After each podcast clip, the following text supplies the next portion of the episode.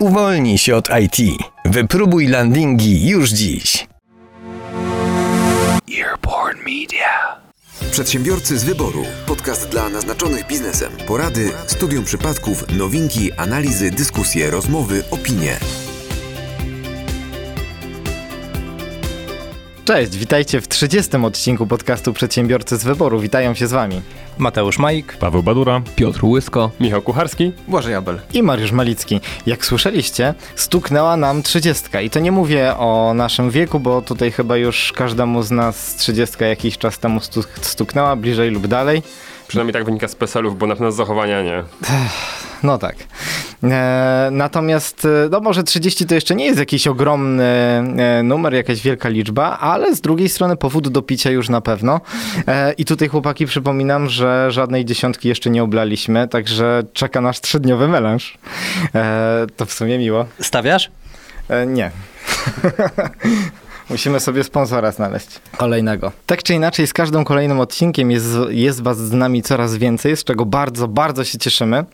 I słuchajcie, oczywiście nakręca nas to do e, nakręcania kolejnych, e, nagrywania, przepraszam, kolejnych e, odcinków, kolejnych dziesiątek, trzydziestek, setek i obiecujemy wam, że to, że e, coraz trudniej jest biznes prowadzić w tym kraju, absolutnie nas nie zniechęci do tego, żeby te odcinki nagrywać. Co najwyżej zmienimy nazwę e, z przedsiębiorcy z wyboru na etatowcy z konieczności.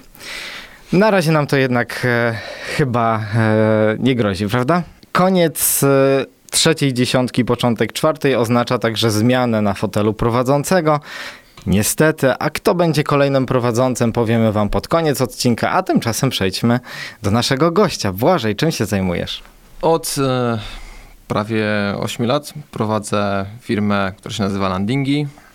E, jestem związany z branżą internetową od 2005 roku, kiedy zakładałem agencję interaktywną, więc można powiedzieć, że w internecie od 14 lat. Okej, czyli będziemy dzisiaj rozmawiać, jak się wypromować e, w internecie i to bardziej pod kątem właśnie strony, która coś dla nas ma e, robić, niż tylko pokazywać, że o, jesteśmy i mamy taką wizytówkę. Zanim jednak do tego przejdziemy, no to kącik newsowy. Ja wyczułem takie zagubienie e, Piotra, bo pojawiło się znowu słowo internet, prawda? To, to, to, to co tam z kaset odtwarzasz sobie, to co ci przegrywamy. Ale gość powiedział, że jest od 14 lat w internecie, więc ja węszę tutaj na ostradę. Przedsiębiorcy z wyboru. Podcast dla naznaczonych biznesem. To może zacznijmy od żartu. Żartu nie, nie bardzo wiem, szczerze mówiąc, y, jak zakwalifikować ten żart. Czy jako suchar, czy jako śmieszny, czy jako osobisty, czy coś w stylu Monty Pythona. Autorem tego żartu jest prezydent Andrzej Duda. E, Ja myślę, posłuchajcie sami i chciałbym, żeby każdy z was tak bardzo pokrótce odniósł się. Oczywiście możecie parskać śmiechem, bo uprzedzam, że, że y, powiem kiedy, od razu mówię. A, czekaj, możemy czy musimy? Bo to E, jednak prezydent, nie? tak, chyba, więc- chyba więc wypada. Wypadało. Ale, ale jest, jest naprawdę, powiem wam, to jest taki żart, że ja jeszcze takiego nie słyszałem. Dajesz. Czyli to jest e- element już y, kampanii twojej, tak? W sumie.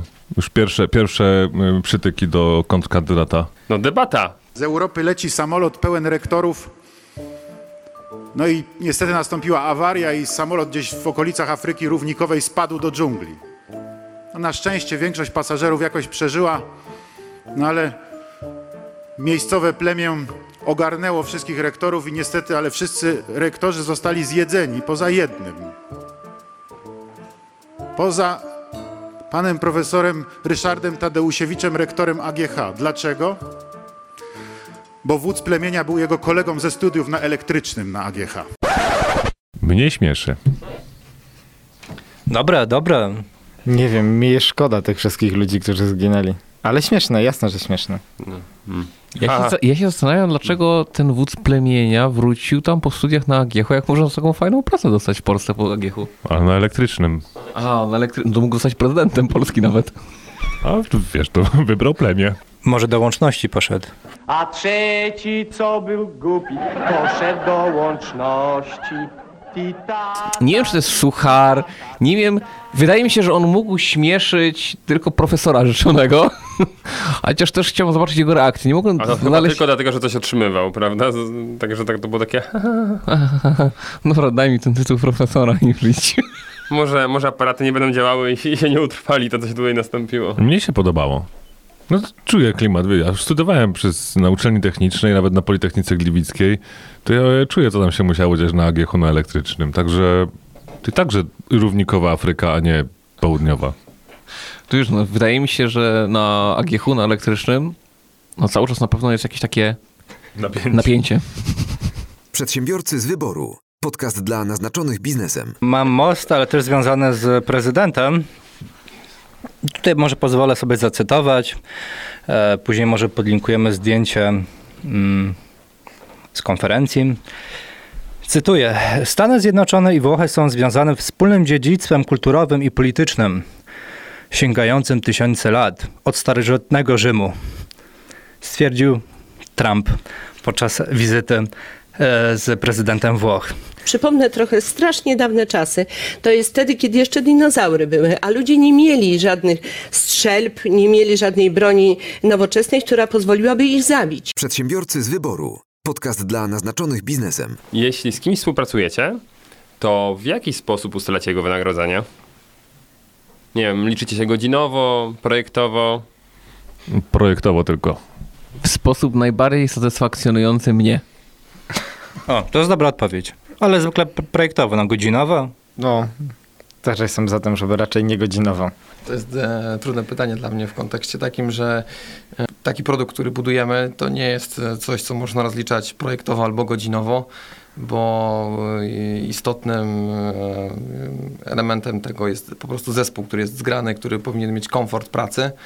W związku z czym e, bardziej, jeżeli chodzi o nasz, e, o nasz segment, to tutaj wy, wy, wyznaczają to jakieś standardy branżowe, ale jednocześnie też taki komfort dla zespołu, żeby mógł po prostu pracować nad, e, nad produktem i budować po prostu firmę.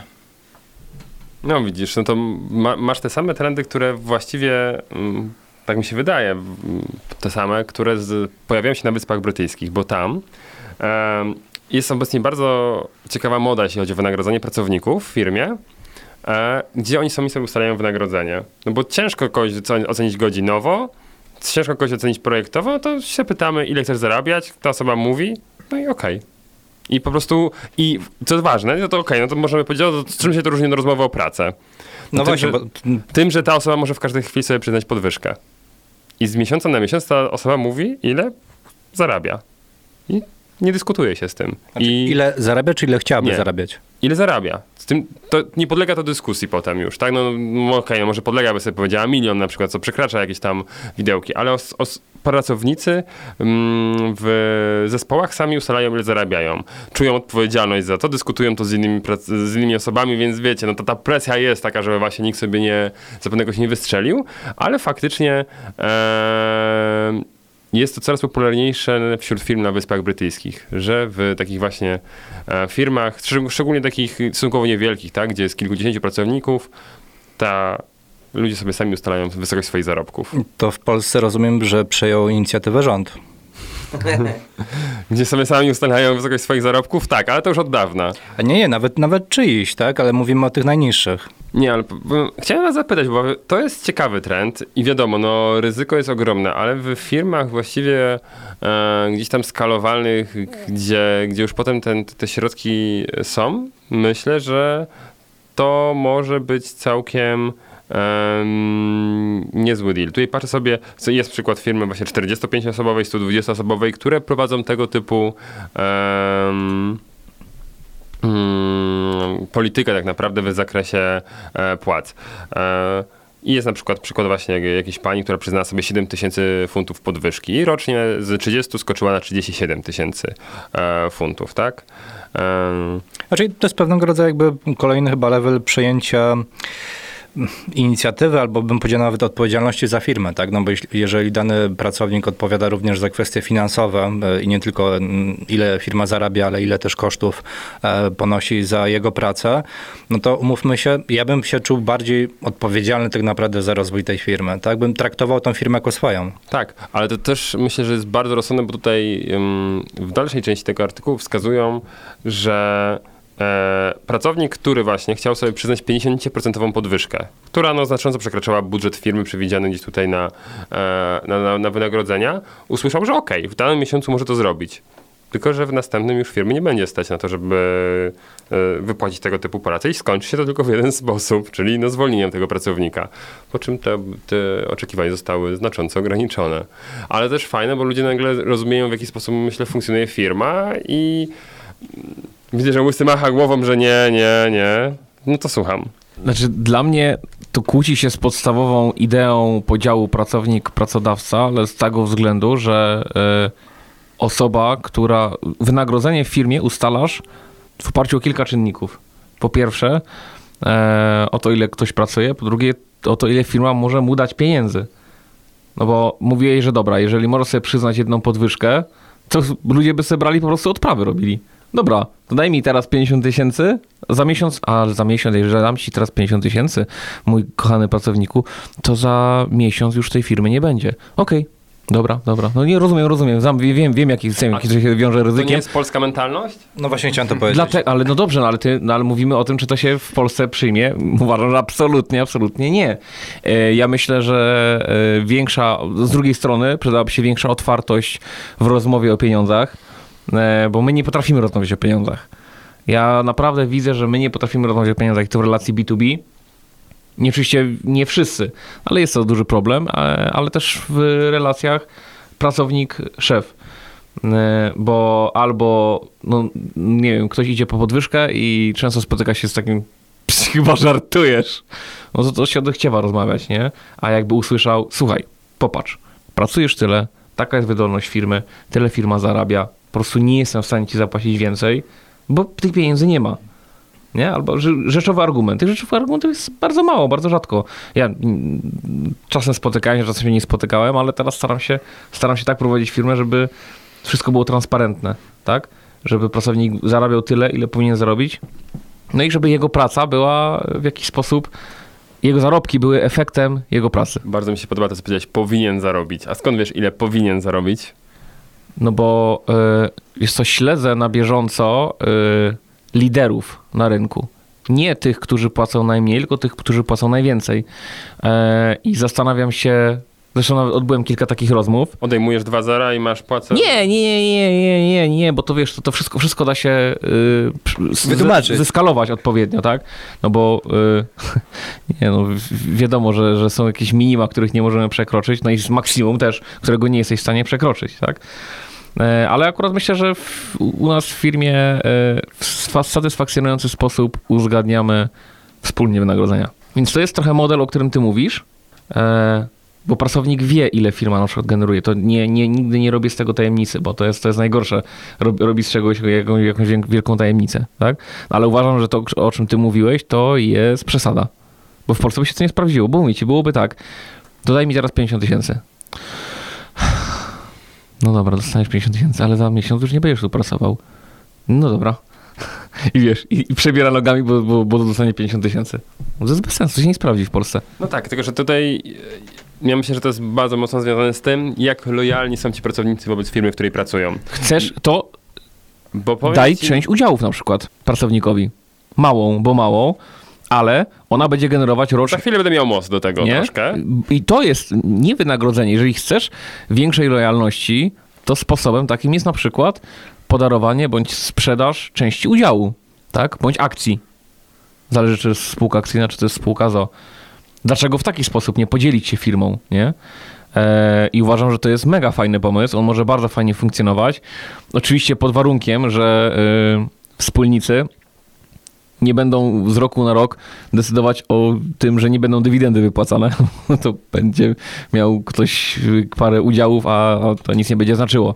Ale można tym tak pokierować. Uważam, że to jest fajny sposób na wynagrodzenie najbardziej lojalnych pracowników, zatrzymanie i to jest wtedy poczucie jeszcze większe, że to jest jego firma, no bo to jest naprawdę jego firma w jakiejś części. Wiecie co, fajne macie tutaj pomysły, ale wydaje mi się, że one się sprawdzą tylko przy mniejszych firmach, gdzie macie czy współpracujecie z takimi wysokiej klasy specjalistami, gdzie faktycznie e, może ci zależeć na tym, żeby, żeby była taka partnerska atmosfera. Możemy dać ci trochę udziałów, możesz sam decydować o tym, ile zarabiasz. No ale wyobraźcie sobie, że zarządzacie firmą, w której macie 3000 pracowników, takich szeregowych, których nawet nie widzieliście na oczy. E, I co? Każdy ma sobie decydować, ile będzie zarabiał, albo e, każdemu mamy dawać trochę udziałów. Znaczy, jest na to lepszy pomysł, który jest już wykorzystywany w wielu mm, dużych firmach, e, a mam, mam takie wrażenie, że średniej wielkości przedsiębiorcy jeszcze jakby tego nie stosują i to jest może taka zachęta, żeby zaczęli mianowicie jasne e, widełki e, odnośnie wynagrodzeń i jasne zasady jakby przyznawania tych wynagrodzeń. Na dzień dobry dostajesz kwotę X. W momencie, kiedy zrealizujesz takie i takie zadania, będziesz pracował tyle czasu u nas, będziesz, nie wiem, zrealizujesz to czy tamto, staniesz się takim specjalistą, dostajesz kwotę X do tego.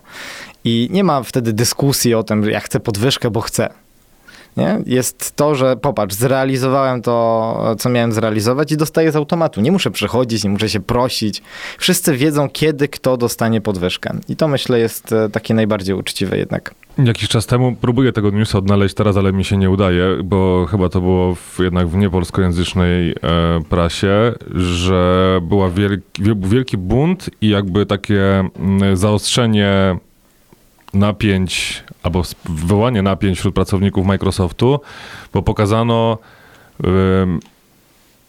ile ludzie na tych samych stanowiskach dostają e, wynagrodzenia w różnych e, miejscach, a szczególnie pokazano to na, na przykładzie kilku biur w, w Stanach i wcale nie chodziło o staż pracy, bo ci, co pracowali długo mm, w Microsoftie na tych samych stanowiskach, zarabiali stosunkowo dużo mniej niż te same osoby, które miały krótszy staż pracy na tych samych stanowiskach. Czyli młodym trzeba było płacić więcej. Inflacja zjadła im pensję. Inflacja inflacją, tak, ale no, jak przychodzi ktoś na identyczne stanowisko do twojego, a ty jesteś 10 lat w firmie i dostaje od ciebie 30% większe wynagrodzenie, nie, no to, po, po, po to jest bunt. No ale to się zgadza mniej więcej z tym, jak rosną ci ceny. To jest ból, ale chyba po prostu tak jest. Niestety, i to nie tylko w dużych firmach, ale w mniejszych a, również. A jak działają telekomy, prawda? Nowy klient jest dużo bardziej, więcej warty dla takiego telekomu niż, e, niż utrzymanie stałego, prawda? No zobaczcie, jak wyglądają oferty, prawda? Że najlepsze są dla nowych klientów, a nie dla tych, którzy zostają. I dopiero trzeba się w jakiś sposób wykłócać, negocjować tak naprawdę bardzo mocno o to, żeby uzyskać dobre propozycje. Przedsiębiorcy z wyboru. Podcast dla naznaczonych biznesem. A to się fajnie spina z czymś, co ostatnio e, przyjęła taka organizacja, która się nazywa e, Business Roundtable. Słyszeliście? Nie. Business Roundtable to hmm, organizacja, która zrzesza szefów największych firm na świecie. I to, co oni postanowili... BNI dla dużych, tak? No, wiesz, takie nazwiska jak Tim, Tim Cook, Jeff Bezos, także myślę, że nie, nie BNI. Business Center Club dla dużych. Tak, tak, bardziej, bardziej w tym stylu. Ale o co chodzi? Mm, to, co oni postanowią, tak postanowią sobie, w jakiś sposób narzuca trendy dla wielu marek, wielu firm na całym świecie. I w 1997 roku przyjęli taką deklarację, że celem ich firm ma być generowanie jak najlepszych zysków dla akcjonariuszy. Co jest w jakiś sposób zrozumiałe. No i to od lat można było śledzić, że raczej polityka firm szła w takim kierunku. Ta deklaracja została właśnie zmieniona. I na pierwszym miejscu właśnie nie znaleźli się już akcjonariusze, a według nich w najbliższych dekadach... Tak, Pracownicy. Dokładnie. Dokładnie. Naczelną zasadą e, ma być e, zrównoważony rozwój pracowników, środowisko naturalne i lokalne społeczności. I dopiero gdzieś tam dalej zysk akcjonariuszy. To też pokazuje, w jaki sposób e, oni stawiają te priorytety. I to nie jest tylko taka może deklaracja, ale faktycznie mam wrażenie, że te firmy będą szły w tym kierunku. Nie wiem, co uważacie? No nic, no podaj nazwę firm i zmieniamy nazwę podcastu, tak jak mówiłem. Etatowcy, może nawet z wyboru. Znaczy w kontekście, w kontekście tego, yy, tego newsa ja uważam, że łatwo jest tak powiedzieć po, po tylu latach, kiedy myślę, że większość akcjonariuszy już na tych firmach zarobiła to, czego, to, czego chciała i tą, tą taktykę jest teraz łatwo, łatwo zmienić i yy, myślę, że specjalnie nikt z tego powodu nie ucierpi. Nie, przeglądam sobie, mm, kto podpisał to jeszcze. No i jest oczywiście Amazon, e, Apple, Accenture, Matko. I naprawdę większość korporacji, Deloitte, e, większość korporacji, które, które znamy i, i, i które są obecne na też Jakobs, no naprawdę ogrom, ogrom, ogrom firm się po tym podpisało, tak sobie patrzę, także Ale ciekawe. to chyba, chyba nikt z branży y, gamingowej, bo patrząc na to, jakie babole przez to, że potem studia tłumaczą się, że wydawcy naciskają, że są naciskani przez y, akcjonariuszy, to wypuszczają gry i potem je pół roku jeszcze po- poprawiają, no to chyba y, w tej, w tej, tej branży jeszcze długo, długo nic się nie zmieni. Widzę, że przemawia przez ciebie gorycz. Co ostatnio poczekało tyle czasu? W Antema zacząłem grać 8 miesięcy po premierze. Ała. Przedsiębiorcy z wyboru. Podcast dla naznaczonych biznesem. Temat gorący od miesięcy. Brexit. Nie wiem, czy słyszeliście, Brexit wychodzą? A co to jest? ale nie, nie wiem, czy słyszeliście, co zrobił Brian Johnson. Nie podpisał czegoś. Nie, to jest, to jest kpina, bo y, to, jest, to jest to, co się stało w związku z Brexitem, to, to, to naprawdę nie mieści się, szczerze, nie wyobrażam sobie, żeby nawet w Polsce do czegoś takiego doszło. Fajnie, że ktoś ma gorzej. Ta, tak, tak, ja myślę, że w pewnym zakresie y, gorzej mają w Wielkiej Brytanii. Dlaczego? Boris Johnson y, został zmuszony przez parlament, y, więc akurat jeśli chodzi o ich system prawny, to jest wiążące, i musiał wysłać wniosek do Unii Europejskiej o przesunięcie terminu Brexitu. Więc wysłał, ale nie podpisał. To jest, to zastanawiam się, doszliśmy do jakiegoś takiego poziomu absurdu, że e, myślę, że taka zabawa w podstawówkowa w kotka i myszkę to jest naprawdę bardzo dojrzała sprawa w porównaniu z tym, co, co robi aktualnie Wielka Brytania. Zresztą nie tylko Wielka Brytania. Ja miałem takie obawy, e, patrząc na Borisa Johnsona. Ja Borisa Johnsona, chcę powiedzieć, znam, no nie znam, ale, ale Dobra, obserwuję. możesz Piotrze powiedzieć, że znasz. No. No, dobra, Odcinasz się? E, nie, nie obserwuję jego karierę polityczną. A co, oglądałeś Ghostbusters? Nie, nie ale, ale, ale, ale y, obserwuję jego karierę polityczną od pamiętnych wyborów y, na burmistrza Londynu, w których startował, gdzie spadochronem latał nad Londynem. No, no to, to jest takie właśnie, to jest właśnie takie prowadzenie polityki, które kończy się y, wysłaniem niepodpisanego wniosku do Unii Europejskiej. I oczywiście zrobił to specjalnie, ale do tego wniosku załączył swój list który już podpisał.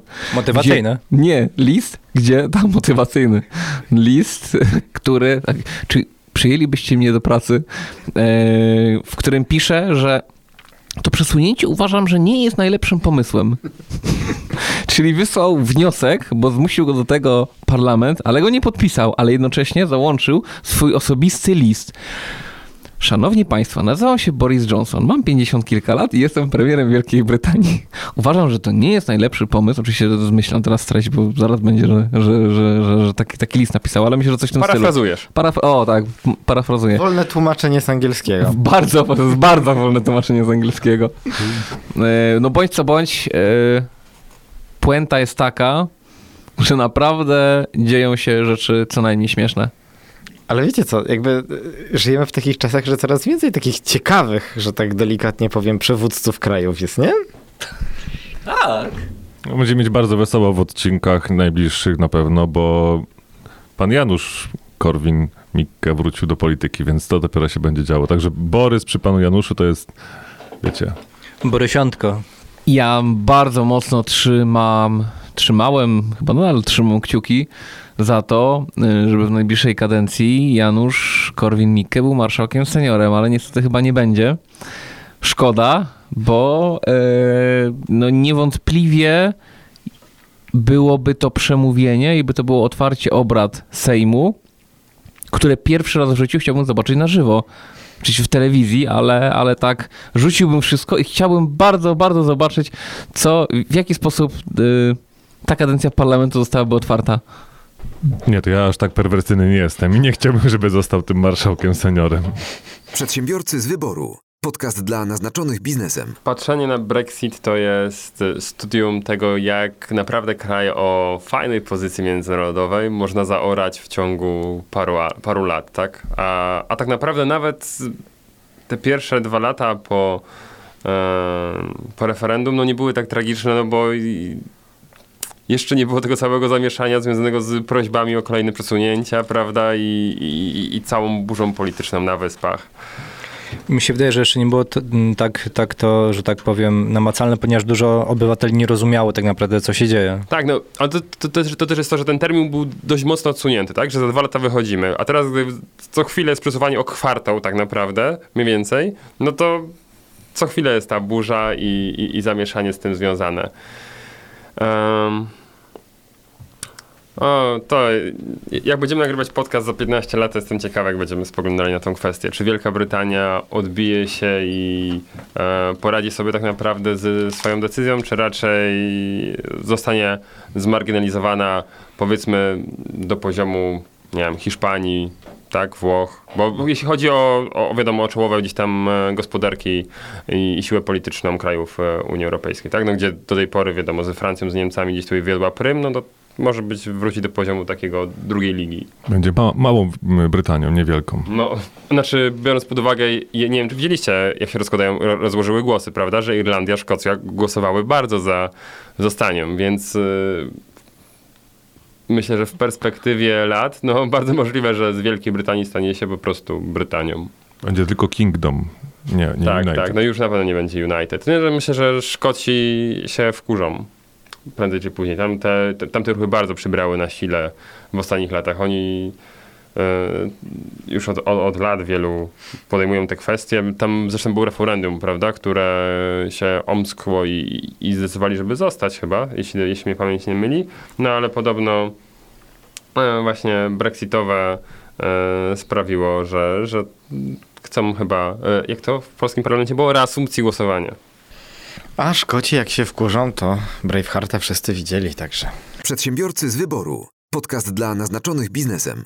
Najpierw słuchajcie, e, jeden z dyskontów, e, konkretnie Biedronka, ma mm, problem, jest na celowniku Łokik, chodzi o różne ceny, jeżeli chodzi o te, które są podawane przy towarach i te, które potem się okazuje, że są na kasie. Zdarzyło wam się jakaś taka sytuacja? Bo mi się zdarza cały czas. I to nie tylko w Biedronce. Na pewno zdarzyło się temu kolesiowi, który chciał ukraść i notował i się pomyliło 7 zł. A czy to już mówiliśmy, że to na pewno był jakiś... Ale to już przynajmniej wiemy, że to było w Biedronce, tak? Teraz już przynajmniej wiemy, że to w Biedronce, dokładnie. Także on chciał oszukać, został oszukany, no i, no i cóż. Niestety. Może oni to specjalnie robią. No nic, w każdym razie, słuchajcie, e, dlaczego w ogóle Łokik się tym zainteresował? Bo od 1 stycznia do 30 września tego roku Inspekcja Handlowa otrzymała ponad 230 skarg właśnie e, konsumentów, którzy zostali w ten sposób gdzieś tam naciągnięci. E, I najczęściej one dotyczyły właśnie różnic pomiędzy kwotą uwidocznioną na półce, a tą zakodowaną w kasie. E, ale również było tak, że po prostu tych cen, e, te ceny się nie pojawiały, e, czyli był produkt bez ceny. To chyba jest jakby nagminne, bo to cały czas mam, mam gdzieś tam z tym problem. Tam są te czytniki gdzieś tam w tych dyskontach, gdzie możesz sobie wziąć ten towar i biec przez pół sklepu i zobaczyć, jak ci zależy, no ale sami urzędnicy przez w ciągu 9 miesięcy wykryli 123 przypadki w Biedronkach, gdzie brakowało ceny w ogóle i 25, w których były różnice właśnie pomiędzy takim towarem i wiecie, co im za to grozi? 10% e, od przychodu, tak czy obrotu jest. 10% przychodu. od przychodu całorocznego. No. A myślałem, że zrzucą stonkę. Nie no, te biedronki te takie żółte. Chińskie. e, czy tam azjatyckie, ale e, no, Biedronka też się troszeczkę broni jakby no trochę ich rozumiem, w sensie mają 2900 sklepów, 67 tysięcy pracowników obsługujących 4 miliony klientów dziennie i 1,3 miliarda transakcji. I te 127 przypadków e, to jest kropla w morzu. Po pierwsze to jest kropla w morzu, a po drugie zgadzam się z tym, że jakby upilnować tak dużo ludzi, żeby, żeby nie popełniali błędów, no to jest, to jest to jest no naprawdę trudne. W związku z tym, no co, czekamy aż te wszystkie startupy, które gdzieś tam pracują nad różnymi udog- udogodnieniami w sieciach e, sklepów, e, no faktycznie gdzieś tam nam te zakupy ułatwiły, no bo wiecie, te wszystkie skanujące, samoskanujące się produkty, że ci nabija cenę na e, wózek, już o tym chyba kiedyś nawet wspominaliśmy, jest dużo takich ciekawych rozwiązań, więc... Ja pamiętam, że kiedyś e, w dużych sklepach e, typu chyba Tesco i tak dalej były takie elektroniczne, nazwijmy to ceny. Nie wiem, czy pamiętacie, ale to wydaje mi się, że to jest dobre rozwiązanie, gdzie przy, e, nie wiem, konkretnej półce byłyby konkretne pozycje oczywiście produktowe, no i be- bezpośrednio z jakiegoś systemu to było, było zarządzane. No wtedy raczej o pomyłkę trudno, pod warunkiem, że osoba jedna, która zarządza wszystkimi sk- sklepami, w dobry sposób e, ma to przygotowane. No tak, ale jeśli masz towar akurat na półce, mm, który zostanie dołożony, no to trzeba dołożyć tam też ten elektroniczny wyświetlacz i go zaprogramować. A myślę, że tutaj chodzi o to, tak, że wiesz, no do tej pory miałeś powiedzmy na dwóch półkach, nie wiem, płyty CD, no a teraz masz na jednej, no i na drugiej brakło na inny produkt tego wyświetlacza. I to, to myślę, że to są kwestie błędów ludzkich, tak, przy takiej masie towarów, jaka jest sprzedawana w takich różnych dyskontach i tak dalej, się nie dziwię, że nie nadążają za c- cenowaniem tak, na, na, na półkach tego. Pewnie, a patrząc jeszcze na, na to, w jaki sposób te osoby muszą pracować, bo umówmy się, to nie jest tak, że jedna osoba jest od rozkładania towaru, inna osoba jest od zatowarowania tak naprawdę magazynu, a jeszcze inna od e, pracy na kasie. Zwykle to jest tak, że to są jedni ci sami pracownicy, którzy w momencie, kiedy jest mały ruch na sklepie, mm, to z kasy schodzą i pracują na sklepie rozkładając towar. Ruch się pojawia, wracają z powrotem w trakcie rozkładania, więc o błąd e, no, jest łatwo, tak? Ale żeby tak całkowicie nie bronić tylko Biedronki, bo ma też troszeczkę za uszami, bo pewnie też zauważyliście, jak e, czasem może też chodzicie i kupujecie tam, że no już od jakiegoś czasu, od kilku miesięcy powiedziałbym, jest taki ogromny problem i to gdzie nie pójdę, tam jest ten sam problem, że mają po prostu, e, no mówiąc wprost, burdel. W sensie m, piętrzą się jakieś skrzynki, gdzie trudno jest w ogóle przejechać z wózkiem i tak dalej. To jest y, problem zbyt dużego zatowarowania. Y, W Biedronkach nie mają gdzie tego układać. No i no nie, nie wiem, dlaczego akurat teraz taki problem się pojawia, ale on też jakby powoduje, że no, ten bałagan się robi większy, a zatem no, trudniej jest utrzymać te, ten porządek przy cenach. No, Oczywiście, natomiast wydaje mi się, że już sklepy chyba zauważyły ten problem i zaczynają z tym walczyć. To ra- raz, że one, bo choćby, nie wiem, ostatnio u mnie na osiedlu e, ku mojemu zdziwieniu wprowadzili samoobsługowe kasy w Biedronce i zaczynają je testować. E, nie wiem, czy też spotkaliście się u siebie w Biedronkach, ale to jest jakby jedna rzecz. Druga, My nie mamy tak burżujskich osiedli jak twoje. o, to wybacz. E, a druga kwestia, no to umówmy się, ale weszły przecież jakiś czas temu przepisy, z tego co pamiętam, które nakładają kary za e, wyrzucanie produktów, które zostały przeterminowane. Mówimy o produktach spożywczych i e, nie wiem, czy to już jakby weszło w życie, czy dopiero wchodzi, natomiast zauważyłem, że faktycznie tych towarów jest coraz mniej na półkach w tych dużych sklepach. Nie wiem, czy to spowodowane tego typu właśnie przepisami. Przedsiębiorcy z wyboru. Podcast dla naznaczonych biznesem. To ja mam taki most dla osób, które e, kupują czasami w sklepach e, różnego rodzaju produkty, natomiast e, w późniejszym etapie e, chcą otrzymać do paragonu fakturę. E, nie wiem, czy wiecie, ale od 1 stycznia 2020 roku e, jedynie będzie można otrzymać fakturę do paragonu w momencie, kiedy na tym paragonie będzie widniał NIP odbiorcy. Czyli jeżeli na podczas zakupu przy kasie e, fiskalnej nie podacie NIP-u, a w drugą stronę kasa fiskalna nie będzie tak naprawdę przystosowana do zmiany przepisów, to nie będziecie mieli prawa e, żądać e, faktury, ponieważ nie ma podstawy prawnej. Dlaczego ustawodawca coś takiego wprowadził? Czym to tłumaczy? E, Przede wszystkim tym, że bardzo dużo przedsiębiorców w jego mniemaniu nadużywa tego typu przepisu i e, za nie swoje paragony tak naprawdę mm, pobierała faktury, które później na, nazwano to pustymi fakturami, księgowała u siebie w firmach.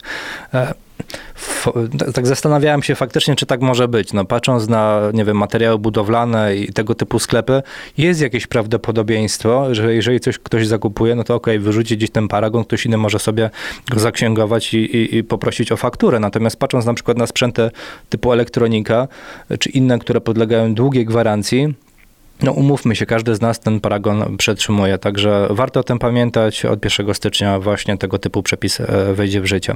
A wiecie, co się zbliża? Taki jeden, jedyny, bardzo ważny dla wielu konsumentów piątek. Halloween, Black. Nie, Black. Halloween, Black. Uh, yeah! Cinco de Mayo. Cinco de Mayo i, i Guantanamera i El Condor Pasa. Ale yy, według badania, nie wiem, korzystaliście, korzystacie z Black Friday? E, w sensie y, pytasz pod kątem takim biznesowym, czy pytasz pod kątem I prywatnym? takim, i takim. E, Czy jako konsument korzystasz Black Friday, czy jako przedsiębiorca wykorzystujesz Black Friday do, Black Friday do pomocy? Jeżeli chodzi o, o tą drugą część, to zdecydowanie bardziej intensywnie. E, choć muszę przyznać, że e, mieliśmy nawet w, w zeszłym roku taki case, który dość szeroko propagowaliśmy, jeżeli chodzi o to, jak ten Black Friday nam wychodzi biznesowo. Próbujemy go robić od 2015 roku i trzy razy z rzędu był e, bez sukcesu. Za czwartym razem dopiero nam e, udało się rzeczywiście osiągnąć cele biznesowe. Jako konsument e, muszę przyznać, że w tym roku czekam na kilka, na kilka ofert, ale jeszcze nie, nie korzystałem tego w, ta, w taki sposób w pełni świadomy. Według statystyk 49% Polaków czeka i skorzysta z Black Friday. To jest mniej niż połowa. Um, tylko pytanie, czy u nas Black Friday wygląda tak jak w Stanach Zjednoczonych? Myślę, że nie. Bo e, szczerze mówiąc, jak przeglądam rok temu, dwa lata temu e, przeglądałem oferty e, na Black Friday, to w większości były to jakieś nie do końca atrakcyjne promocje. Albo zdarzało się tak, że y, nagle towar ciut drożał przed Black Friday, żeby na samo Black Friday y, odrobinę, od, odrobinę cena mogła spaść. Y, mam kilka swoich produktów, które śledzę na bieżąco, więc będę mógł wiedzieć, na pewno jestem przygotowany na Black Friday jeszcze bardziej w tym roku niż, niż wcześniej, ale nie wiem, czy skorzystam, bo jeżeli nie będzie, nie, nie będzie żadnej promocji, to, to, to nie będę jakoś tak się napalał na same zakupy, na zakupy same dla siebie, bo korzystaliście z promocji kiedyś i kupiliście coś, czego nie potrzebowaliście do końca, bo było na promocji? No bo dla mnie to jest trochę Black, Black Friday, nie? Jest Black, Black Friday, wszyscy musimy kupować. Dobra, mam 40 sali, no ale mogę mieć 50, nie? I, i, i ludzie kupują nowy telewizor, bo jest przeceniony tam o 10-15%. Trochę nas ten konsumpcjonizm zżera, tak mam wrażenie. Nie? Ale I... dzięki temu jeszcze nie ma aż takiej dziury, nie? Znaczy jeszcze w, w, kwestii, w kwestii Black Friday chciałem, e, chciałem dodać e, na pewno fakt, że w Polsce jest to dość e, świeży trend, szczególnie jeżeli chodzi o sprzedaż czy sprzedaż w internecie. Jeżeli nawet tam na Google Trends wpiszemy sobie frazę właśnie Black Friday czy Czarny Piątek, tak też się u nas e, zamiennie stosuje, to widać ten trend wzrostowy, ale on nadal jest e, bardzo niski w stosunku do na przykład Stanów Zjednoczonych. No i na pewno też się to bierze gdzieś e, stosunkowo ciekawa historia za tym, jak to Black Friday e, się w, w tych Stanach e, urodziło, bo nie każdy wie, że Black Friday to jest zawsze piątek po święcie dziękczynienia. Tutaj też może temat na jakiś podcast, kwestia jak w różnych krajach wyglądają urlopy, ale nie wiem, czy wiecie, w Stanach z tymi urlopami nie jest tak kolorowo jak w Polsce i tam głównie pracodawca decyduje o tym, jak jest z urlopami i ta nazwa Black Friday, ona ma takie dwa znaczenia. Pierwszy jest Pierwszy był taki, że po prostu po święcie dziękczynienia, które ma miejsce zawsze w czwartek, ostatni czwartek listopada, po prostu pracownicy masowo brali L4 i nie przychodzili do pracy. W związku z czym w ich kartach pracy pojawiła się czarna kratka i stąd się wśród pracodawców w pierwszej kolejności Black Friday był związany z tym, że po prostu osoby nie przychodziły do pracy. I ponieważ nie przychodziły do pracy i nudziły się, to jechały do sklepu. I później gdzieś ta tradycja po prostu w ten sposób się narodziła, a w latach 80. ten Black Friday już z, powiedziałbym z takiego negatywnego wydźwięku po prostu nieprzychodzenia do pracy i takiego sztucznego L4, e, które gdzieś tam zostało stworzone.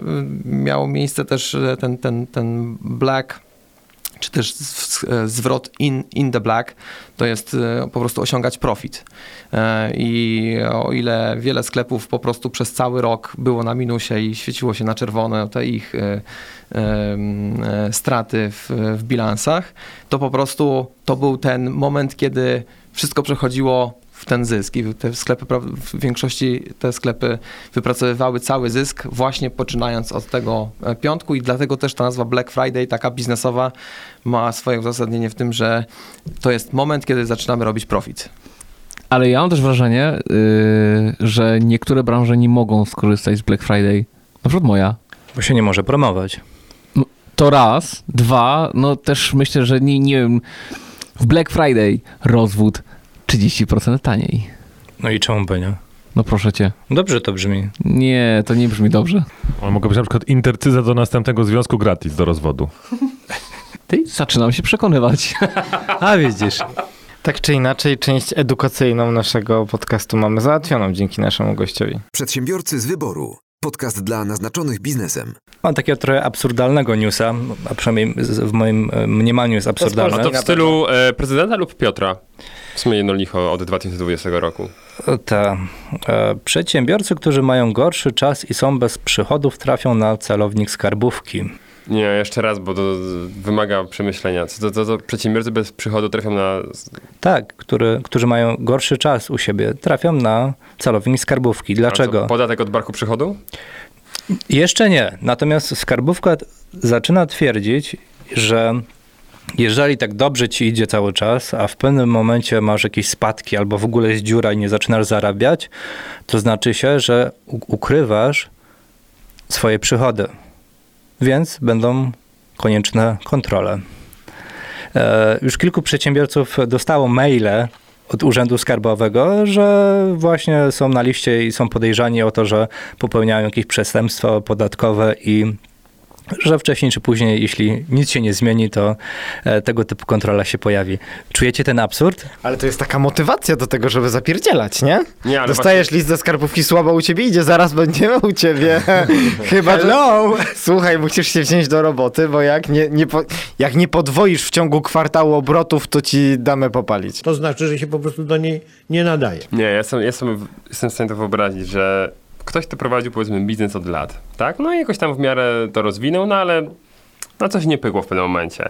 No i wiecie, no nerwy są, jakiś pivot, kurde, szukanie nowej drogi dla firmy, może jakaś restrukturyzacja, no ale no to trwa, tak? I, i nagle jeszcze dub skarbówka z kontrolą. Moment, w którym nie dość, że no, zapewne twoje nerwy są dość mocno nadszarpnięte, um, to jeszcze dowalają ci kontrolę. Nie, no super. Ale to jest takie nawiązanie do tego, że Piotr powiedział, że on też zakaże biedy, więc skarbówka też zakazuje biedy i wszyscy mają zarabiać. Ale nie, ja myślę, że to jest takie trochę podejście Alfonsa.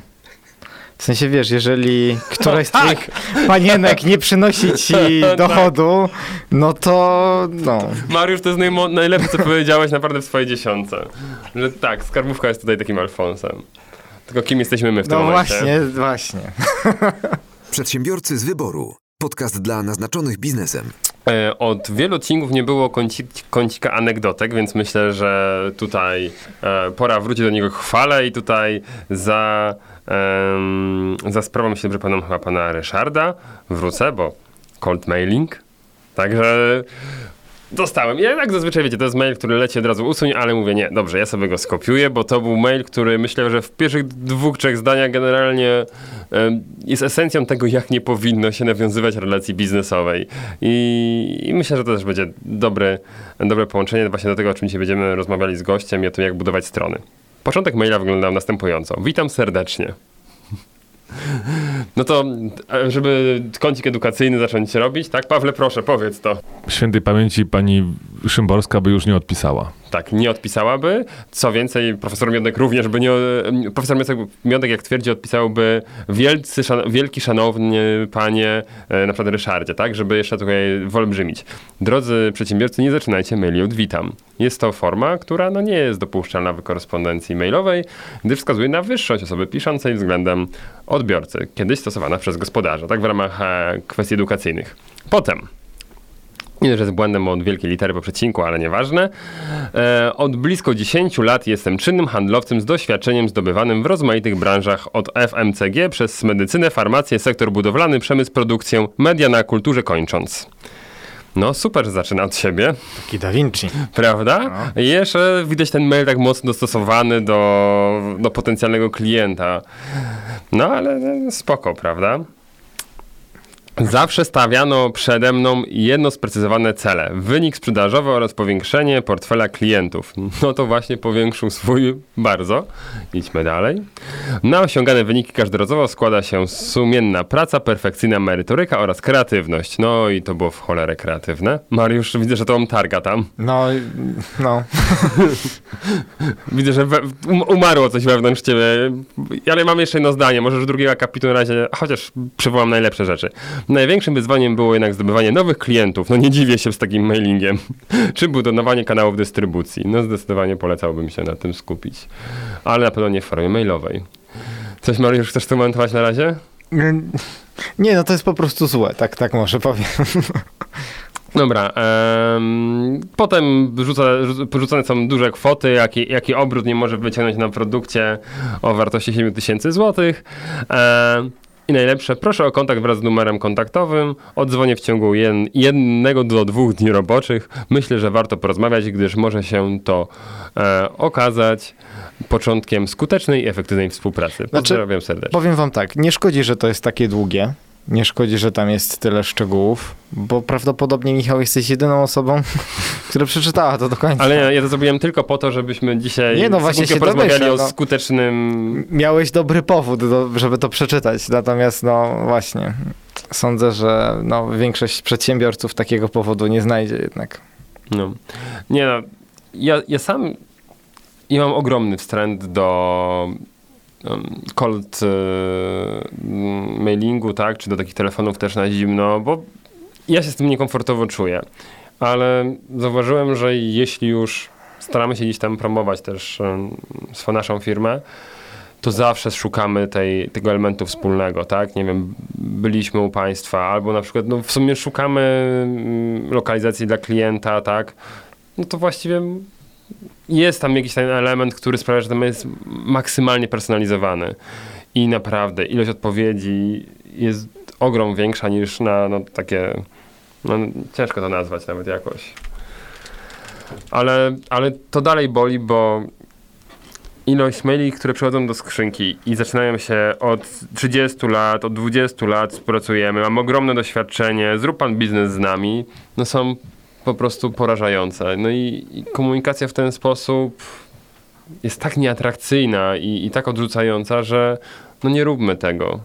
No to właśnie są handlowcy, sprzedawcy, którzy są nastawieni na to, żeby tak jak niegdyś ci, którzy wkładali nam nogę w futrynę, żeby nam zaprezentować odkurzacz, żeby po prostu zrobić jak największe show. Myślą, że jakby na, nadal komuś zależy na tym, co oni myślą, co oni chcą. A ta prawda jest taka, że każdy potencjalny klient ma dokładnie, no przepraszam, ale w dupie to, co ty sobą reprezentujesz, ile masz doświadczenia i tak dalej. Pytanie, co możesz dać? I czy to mnie w ogóle interesuje, nie? I to, co mówisz, jakby w momencie, kiedy piszesz już do kogoś i chcesz, żeby on poświęcił swój czas, no to poświęć najpierw troszeczkę swojego czasu na niego, nie? Żeby zobaczyć, czy jesteś w stanie mu coś dać, bo o jego firmie jesteś w stanie się czegoś dowiedzieć. A jeżeli nie masz na tyle szacunku, żeby się czegoś dowiedzieć o nim, to daruj, nie? No, jest, chyba troszkę rozmawialiśmy na temat z Justyną w trzecim odcinku, prawda? Też, że no żeby nie formułować, tak? I tu jak najbardziej, tak? Żeby ta, ta komunikacja była no, konkretna, prawda? To nie jest przykład, że na przykład e, mailingi, e, nie wiem, chodziło od Pawła Tkaczyka, tak, czy jakiekolwiek inne takie marketingowe, no są maksymalnie personalizowane. Tam ten dystans jest skracany, ale no, no są wykorzystywane na, te, te, chodzi o pola automatycznej korespondencji, tak, żeby to było cześć Michał, tak, a nie dzień dobry odbiorco. I dzięki temu no nawet takie skrócenie dyska, dystansu powoduje potem e, fajne, no lepszą, lepszy odbiór, tak, do wiadomości. Właśnie, poza tym, ja- jak już, jak już bo ja, ja rozumiem, że nie zawsze możesz sobie pozwolić na to, żeby się bardzo mocno e, dowiedzieć czegoś, nie? O, o swoim potencjalnym kliencie, bo faktycznie na przykład wysyłasz do bardzo wielu osób, no ale z drugiej strony to wtedy daj jakąś wartość tym mailem, nie? Daj, jak, daj opowiedz o czymś ciekawym chociażby. A zresztą słusznie powiedziałeś, że to jest dobry most do naszego gościa, no bo Tak, tak. No myślę, że tutaj po- pomostujemy, Mateusz, bo, bo widzę, że cię też gotuje. Znaczy, no, z tą wartością Mariusz oczywiście dobrze powiedział, no bo umówmy się, że trzeba się wyróżnić, tak? Chociaż nawet już e, temat z tej samej wartości, to jest coraz bardziej popularne, nie? więc e, wyróżnij się albo zgiń. E, Pytanie, czy osoba, która do ciebie pisała, Michał, w jakiś sposób się nie wyróżniła, bo, bo jednak... Nie, wziąłem po prostu jednego z maili, które przyszły na skrzynkę, a ta- tam mnie po prostu ubudł, bo zobaczyłem w pierwszych dwóch zdaniach po prostu tyle błędów tak naprawdę w nawiązywaniu relacji, w, w budowaniu czegoś, że no wiadomo, że ten sprzedawca nie obroni współczesne, na współczesnym rynku tego, co obiecuje dalej, tak? No bo, no bo nie. Ehm, Piotrze, ty, tu, ty jesteś chyba wyjątkiem, prawda? Bo chyba każdą swoją korespondencję rozpoczynasz od jestem prawnikiem. Albo studiowałem prawo. Ja zaczynam od tego, tak, ale jestem prawnikiem, potem witam, e, nie jem mięsa, chodzę na crossfit, w czym mogę pomóc? A cyklistą jesteś? E, bywam. No to. Nie, no to, to, to, to, zupełnie co innego. w crossfit nie wierzę. Dobra, ale właśnie e, mówiliśmy troszkę o, o moście do gost, gościa. My na pewno kiedyś jeszcze rozwiniemy temat e, mailingów e, przy okazji innego gościa, którego tutaj ściągniemy, ale dzisiaj em, temat e, stron, na które być może z tych mailów będziemy kierować. Przedsiębiorcy z wyboru. Podcast dla naznaczonych biznesem. Błażej, mogę mieć pierwsze pytanie? Bo coś, co mnie bardzo zainteresowało, to to, że e, twoja firma Landingi, właśnie nawet w nazwie, ma to słowo landing. I teraz zastanawiam się, czy to nie jest pewnego rodzaju okrojenie e, sobie klienta docelowego? No bo na przykład taki nasz Piotruś, no to landingi mu się kojarzą, wiesz, e, tak jak to pilotom się życzy, tyle samo landingów to startupów. A ja miałem, o widzisz, spaliłeś mój żart, bo ja miałem, chciałem zażartować, miałem taki sucharek, przygotowałem sobie, tak ulepiłem go, e, stojąc dzisiaj w korku rano przed, e, przed naszym spotkaniem i uwaga, żart.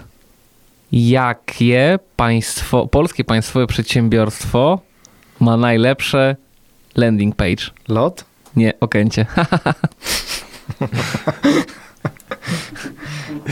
No i właśnie, popatrz, ja- bo wyruszaliście w 2011, Dob- dobry to research z Tak, to strony? był dobry research, e, to był Startup Weekend w Poznaniu. Okej, no i widzisz, no i te landingi. Do dzisiaj, znaczy Piotrek to jest jeden z przykładów, ale wiem, że bardzo wielu klientów, z którymi z Mateuszem na przykład się spotykamy, mm, no to jak mówimy landing page, to jakby no niespecjalnie wiedzą o co chodzi, nie? A co wiedzą, y, strona lądowania? To już wiedzą o co Też nie chodzi? wiedzą. No właśnie.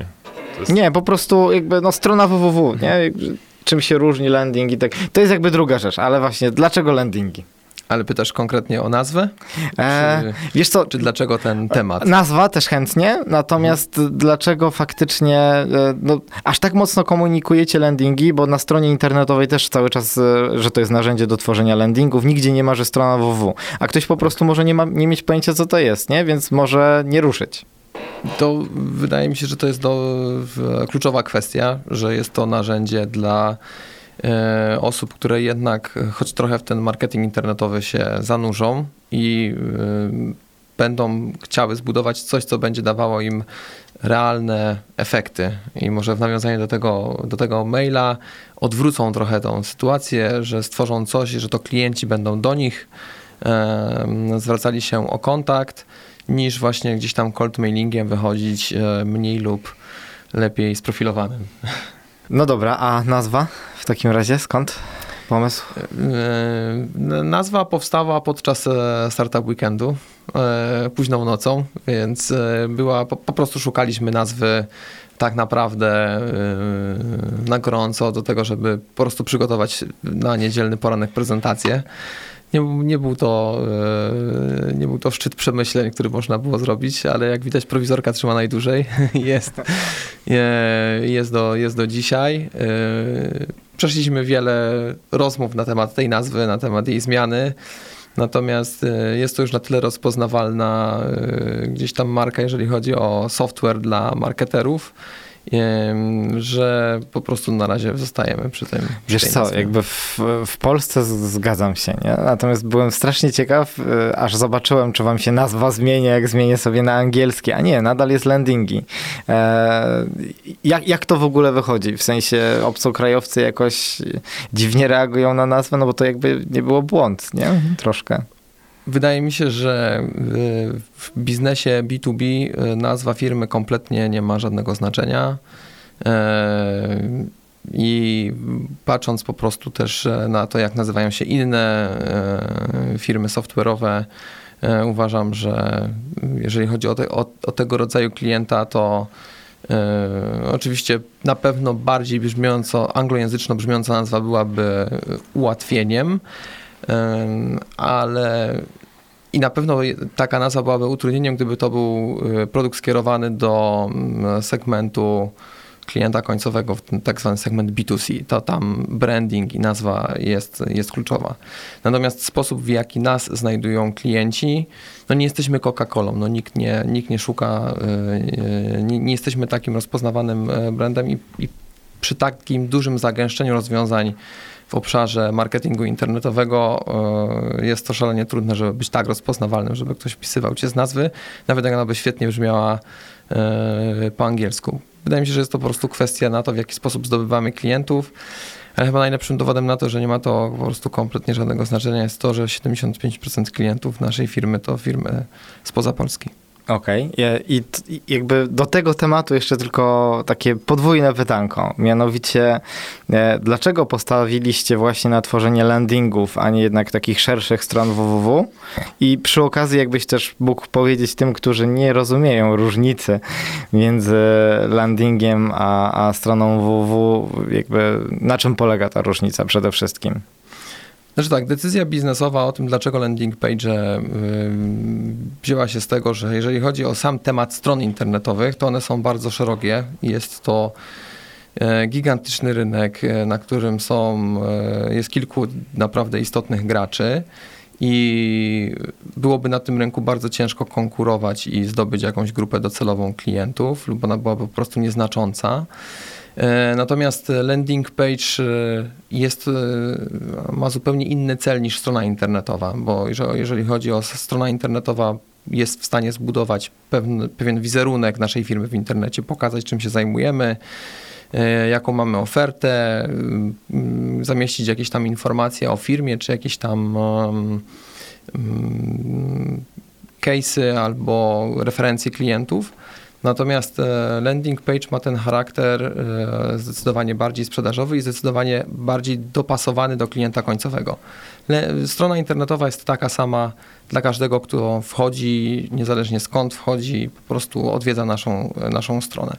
Jeżeli chodzi o landing page, tutaj e, mamy w dzisiejszych, że, że tak powiem, możliwościach targetowania reklamy, czy też docierania do klienta, mamy możliwość zbudowania bardzo spersonalizowanego landing page'a, e, który będzie nawiązywał na przykład do lokalizacji, z której przychodzi nasz użytkownik, e, w konkretnym kontekście usługi, której szukał lub produktu, którego szukał.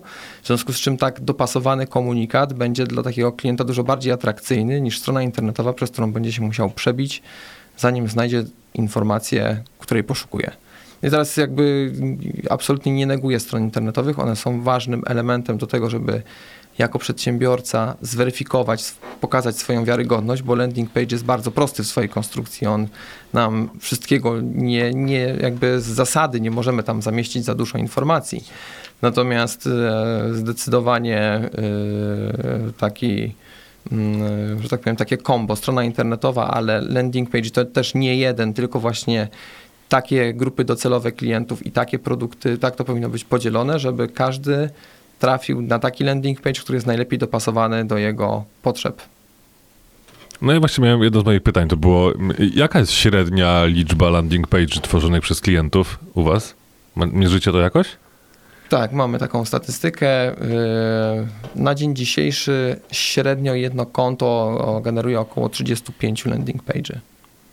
Okej, konto, ale to mm, patrzę... Jedna to, firma. Jedna, tak, a, jedna, firma, Tak, jedna okej. firma średnio, tak? No, ale są Mhm. firmy, które mają. E, Dwa, a ja są e, tacy, tak, tak, są 200. takie, no, albo jeden, tak, ale są takie nawet, które mają powyżej tysiąca tych landing page'y. Ale no, powiedziałbym tak, że taka, y, przy takiej dobrze działającej y, reklamie i jakimś sensownym budżecie i dobrze przemyślanej strategii, to jest to około 70 landing page'y, które bardzo łatwo buduje się e, właśnie za pomocą takiej platformy jak nasza i to umożliwia w sposób znaczący raz obniżenie e, kosztów pozyskiwania klienta i wyższą skuteczność e, działań reklamowych. Przedsiębiorcy z wyboru. Podcast dla naznaczonych biznesem. Okej, a to jakbyśmy powiedzieli jeszcze, uporządkowali sobie, ja- jakie usługi wy świadczycie, tak? Co, co, co klient może, albo co potencjalny przedsiębiorca, mając kampanię odpaloną, y, jakąś tam, nie wiem, choćby Google Adsową, która kieruje na konkretną stronę, nie, klient nie chce, żeby to była z jego strony, tylko właśnie ta, to jest pod konkretną grupę docelową, to co powiedziałeś wcześniej, e, to co, co od was może kupić? W sensie kompleksowo patrząc, tak? Bo może, może tego landinga sobie zbudować sam, czy, czy są jakieś szablony? Jakbyśmy powiedzieli w ten sposób, jak to wygląda dokładnie? Jasne, to znaczy tak, ofertę mamy podzieloną na, e, powiedziałbym, e, dwie kategorie. Jedna kategoria jest typowo software'owa, czyli można po prostu założyć konto w naszej aplikacji, gdzie można skorzystać z szablonów, można zbudować taki landing page od zera e, i przejść przez cały proces e, samodzielnie. Mamy też część usługową, gdzie można po prostu u nas taki landing page zamówić. Y, Często jest tak właśnie, że klienci startują z tym, że ten pierwszy landing page e, budujemy dla klienta, a później na jego bazie bardzo łatwo jest w stanie właśnie go modyfikować i personalizować, bo jest to zazwyczaj kwestia wymiany e, czy lokalizacji, czy jakiegoś zdjęcia, czy po prostu produktu jest w stanie zbudować właśnie kilkanaście czy kilkadziesiąt landing page stricte dopasowanych do produktów i usługi lokalizacji, w których świadczy swoje, e, swoje usługi.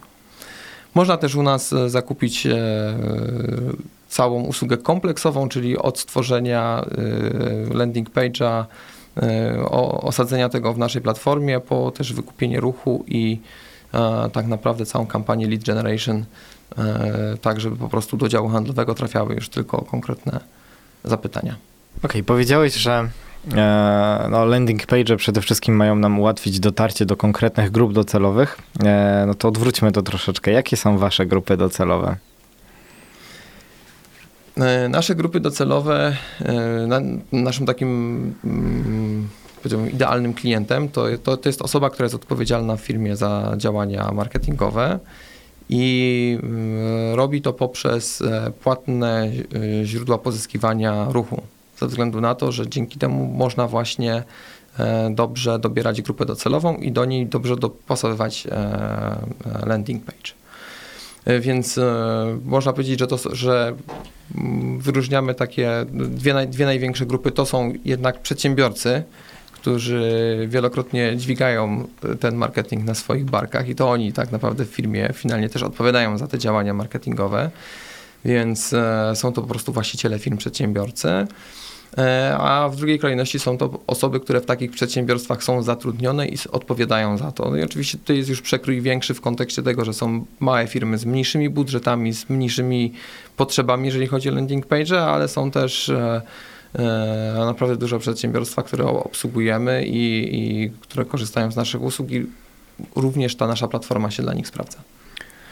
E, To ja mam takie pytanie uzu- uzupełniające, bo tutaj e, Mariusz e, zapytał ciebie, em, jakie to są grupy docelowe, natomiast pytanie, e, w jakich e, sytuacjach też można wykorzystywać landing page, bo to raczej nie tylko, przynajmniej mi się wydaje, w sprzedaży, ale być może w jakichś innych.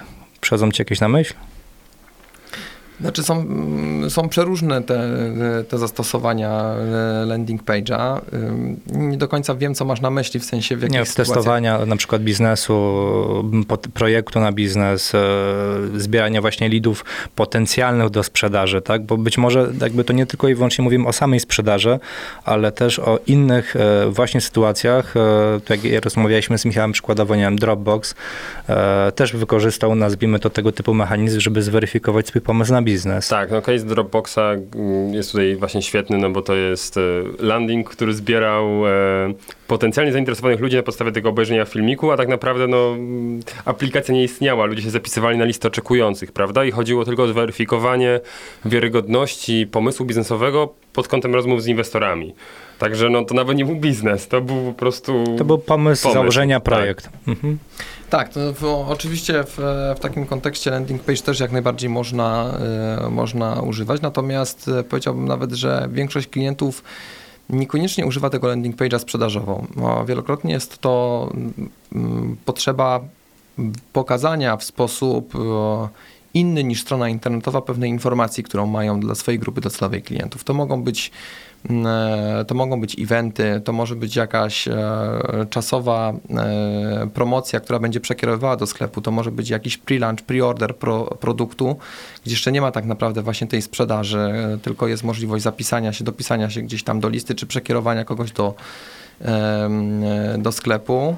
E, Natomiast w większości landing page jest wykorzystywany jako narzędzie do po prostu generowania kontaktów. Natomiast ten kontekst e, zbierania kontaktów jest bardzo e, różny. Nie, e, nie, nie tylko w, kontekście, nie wiem, swojego e, stricte mm, swojej firmy, ale właśnie z, e, może być to gdzieś połączone z jakimś na przykład próbą rebrandingu, em, otwieraniem nowej lokalizacji. Natomiast e, finalnie ponad 80% klientów chce, żeby tą akcją, jak, e, jaka jest na, na landing page'u, było pozostawienie kontaktu. A są tacy klienci, którzy nie mają swoich witryn, tylko opierają się tylko i wyłącznie na waszych e, landingach? Przy- Przyznam, że znaczy na pewno tacy klienci są. Nie wiem, jaka, jak, jak procentowo, e, jaka procentowa jest ich ilość, bo my nie, weryfik- nie weryfikujemy e, tego i, i jak ktoś, czy ktoś ma swoją stronę internetową, jeżeli zakłada landing page.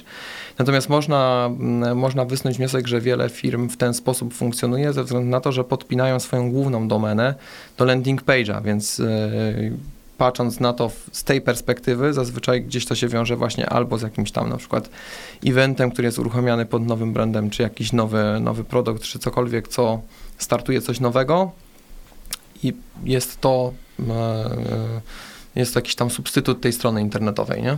No bo patrząc na to, że coraz więcej firm e, jakby koncentruje swoje działania w internecie, patrząc o te strony właśnie www, bo ja chciałbym też rozgraniczyć, że landing, wasz landing page jest stroną internetową de facto, tak? Także tak mówimy, że strony internetowe albo nie ma ktoś strony internetowej, a ma landinga, no to okej, landing to też strona www. Patrząc na to, że te tak zwane one page, tak? Czyli bez strony bez zakładek są całkiem popularne i klienci widzą, że niekoniecznie trzeba budować te kombajny www, które mają tam 30 zakładek i mają najwięcej tekstów o każdym pracowniku i wszystkie projekty są super opisane, e, to de facto śmiało można chyba zastąpić według mnie e, takim landingiem w cudzysłowie, e, w cudzysłowie, czułem, czułem ten, czułem, ochlapał mnie e, pot e, z karku Piotra.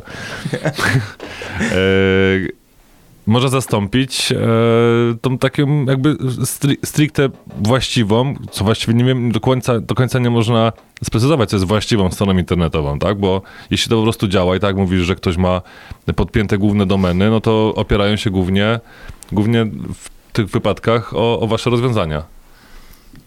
Po- Znaczy powiedziałbym tak, idąc tym tropem, można uznać, że każde miejsce, e, w które trafiamy w internecie jest swego rodzaju e, landing page'em, tak? Bo my skądś trafiamy. Istotne jest to, co się dzieje po tym, jak już trafiliśmy w to miejsce. Landing page co do zasady jest logicznym rozwinięciem reklamy, w którą kliknęliśmy. Strona internetowa niekoniecznie jest tym rozwinięciem, ona jest tym miejscem, gdzie ona jest na wizytówce, na samochodzie. E, Robimy tak zwanego directa, czyli po prostu wpisujemy adres do mm, przeglądarki i uruchamia nam się strona. Wtedy jesteśmy takim, powiedziałbym, e, wcho- wchodzimy bez wcześniejszego kontekstu. Po prostu ktoś nam powiedział o jakimś adresie, na tej zasadzie tam trafiamy. Natomiast co do samego e, landing page'a, to on właśnie powinien być takim logicznym rozszerzeniem reklamy, w którą klika użytkownik i nie dawać już tych dodatkowych możliwości zagłębiania się w, w witrynę, tylko takiego zero-jedynkowego po prostu podejścia, e, czy jesteśmy zainteresowani daną usługą, czy nie. Ja bym nawet, jeżeli miałbym dobry przykład podać tego, e, jakoś to tak e, namacalnie, offline'owo bardziej wytłumaczyć, to jest trochę na takiej zasadzie, jakbyśmy rozdawali ulotki albo rozdawali cały katalog o firmie. Jak pójdziemy na miasto, będziemy chcieli jak najszybciej złapać swoją grupę docelową klientów, to raz, że nie będzie nas stać na to, żeby wydrukować dla każdego katalog, bo to jest czasochłonne i drogie, a poza tym nie mamy pewności, jak ta oferta trafi. Z ulotką to działa w ten sposób, że ją rozdajemy ją, pewnie tam 95% trafia do kosza, ale ktoś ją do kieszeni bierze i później gdzieś tam, nie wiem, wchodzi na stronę albo dzwoni i coś się tam dzieje. Z tym landing page'em to jest e, trochę podobnie, tak? Bo tutaj też wydaje mi się, że jeżeli może nie do końca mm, porównywanie one page'a z landingiem jest, e, jest trudne, bo one mają bardzo dużo spój, spójnych elementów, natomiast sama witryna e, jest też istotna na przykład ze względów na wyszukiwarkę treści, które tam są założone, jakiś blog. Mm, Ona po prostu ma zupełnie inną funkcję niż ma landing page czy one page. Przedsiębiorcy z wyboru. Podcast dla naznaczonych biznesem. To ja chciałem trochę tak dostać jasną informację i się zastanowić, czy w ogóle landingi się same z siebie jakoś pozycjonują? Czy to jest sens wykorzystania ich tylko w reklamach? Czy możemy stawiać takiego, liczyć na to, że gdzieś tam organicznie on się nam pojawi i, i będzie kierował ruch w jakiejś dłuższej perspektywie? E, Jeżeli, jeżeli to jest. Znowu to jest kwestia tego kontekstu. Jeżeli ten landing page e, będzie niezmienny i będzie miał jakąś tam swoją ofertę e, stałą przez długi czas i ten będzie odpowiednia ilość treści, ona będzie miała odpowiednią konstrukcję, to on na pewno się wypozycjonuje. E, Natomiast to nie znaczy, że będziemy w, w top 3 w, w Google, tak? Będzie można ten landing page e, znaleźć. Natomiast na pewno sama struktura landing page'a, ze względu na to, że niekoniecznie, znaczy oczywiście to zależy, do czego będziemy linkowali ten landing page lub linkowali do tego landing page'a, wtedy też tam jakby e, siła tej domeny i tego, gdzie ona się po prostu pojawi w wyszukiwaniach będzie, no, będzie po prostu e, de- definiować, czy my się w Google znajdziemy, czy nie. Natomiast e, starałbym się mimo wszystko edukować rynek, że landing page nie jest niczym na stałe. Nie ma sensu zastanawiać się nad tym, czy on się będzie pozycjonował, czy nie będzie się pozycjonował, bo powinniśmy nasze oferty cały czas dostosowywać do tego, co się dzieje na rynku, e, modyfikować, testować przekaz, starać się po prostu y, dopasowywać do tego, jak zmienia się rynek, jak zmienia się nasz docelowy klient. Więc nie jakiś tam emocjo, zbyt emocjonalnie bym się z landing page'em na zbyt długo jednym nie, nie, nie wiązał. Czyli w zasadzie troszeczkę jak działania, można powiedzieć, e, reklamowe na Facebooku, tak? Czyli testujemy, nie wiem, AB, co nam lepiej klika, tak? E, Gdzie osoby się zatrzymują, co robią i tak dalej. Z tego co pamiętam, też tego typu testy są u Was e, możliwe, jeśli chodzi o landing. Tak, można sobie przetestować, można sobie przetestować różne, różne mm, e, warianty takiego samego landing page'a. E, oczywiście to znowu jest e, półka wyżej, jeżeli chodzi o umiejętności i też e, jest do tego potrzebny odpowiednio duży ruch e, skierowany, żeby mieć odpowiednią próbę i trochę jednak na badaniach e, się znać, żeby sobie po prostu nie zrobić krzywdy, bo wielokrotnie też widziałem takie testy, gdzie na początku dość duże rozbieżności są pomiędzy jedną a drugą e, wersją i ktoś może zachwycić się, że jednak guzik pomarańczowy z napisem kup teraz działa lepiej niż guzik zielony e, z napisem do kasy. Natomiast po dwóch tygodniach zbierania danych i na przykład po tysiącu gdzieś tam czy dwóch tysiącach wizyt, te są tak zbliżone, że są na poziomie jakiegoś błędu statystycznego. Tutaj też że mm, w przyszłym roku e, będziemy chcieli uruchomić taki produkt, który będzie właśnie rekomendował, jakie zmiany na landing page'u powinien e, marketer wprowadzać, bo teraz cały czas e, bazuje to na tym, że tych zmian dokonuje się w sposób subiektywny, a nie mając takiej grupy docelowej, jest to bardzo trudne, żeby sobie takie wnioski mądrze wyciągnąć. W naszej bazie mamy ponad 300 tysięcy landing page'y, e, więc mamy e, pot- potężną ilość danych, wiemy, które landing page'e konwertują, które nie konwertują, w jakich branżach, z jakim ruchem, w związku z czym będziemy w stanie e, pokazać rekomendacje, co na landing page'u powinno się zmienić, żeby konwersja i e, wyniki były po prostu lepsze. Mm, Genialny produkt moim zdaniem pod względem właśnie podpowiedzi, na co zwrócić uwagę. No i wykorzystania, tak jak powiedziałeś, e, tych danych, e, które już przez lata zbieraliście. E, Pytanie takie jeszcze do samych klientów. Jakie najczęściej branże re- reprezentują? Już tutaj, okej, jedna to są ta branża, mówimy marketingowcy, tak, ale patrząc na przykład, nie wiem, na sektor finansowy, tak, sektor ubezpieczeniowy, sektor e, medyczny, No to już strzelam. e, nie wiem, czy mam, już prawie wszystkie wymieniłeś. Okej. E, zde- Zdecydowanie to są te, znaczy tak, generalnie du, duży, duży kawałek tego tortu to jest, e, to jest branża po prostu marketingowa, która w tym działa, natomiast e, rzeczywiście e, branża e, finansowa i ubezpieczeniowa, to gdzieś powiedzmy w jeden, w jeden segment można spiąć. To są też dealerzy samochodowi, Mm, to, jest, to są wszelkiego rodzaju eventy i mm, część to sklepy internetowe, e-commerce.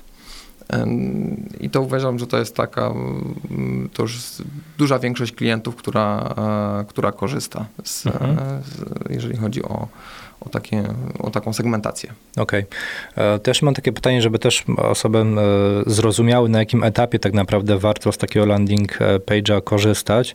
Jesteś w stanie opowiedzieć e, przykładowy jeden proces e, od, e, że tak powiem, przekierowania e, potencjalnego klienta z reklamy na landing page poprzez dalszy proces, skończywszy na, na domknięciu sprzedaży?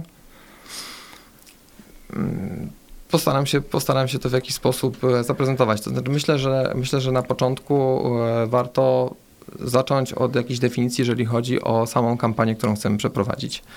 E, Załóżmy, że mamy firmę, która zajmuje się praniem dywanów. I nasza firma powiedzmy mieści się w Katowicach i zastanawiamy się, w jaki sposób zdobyć klientów.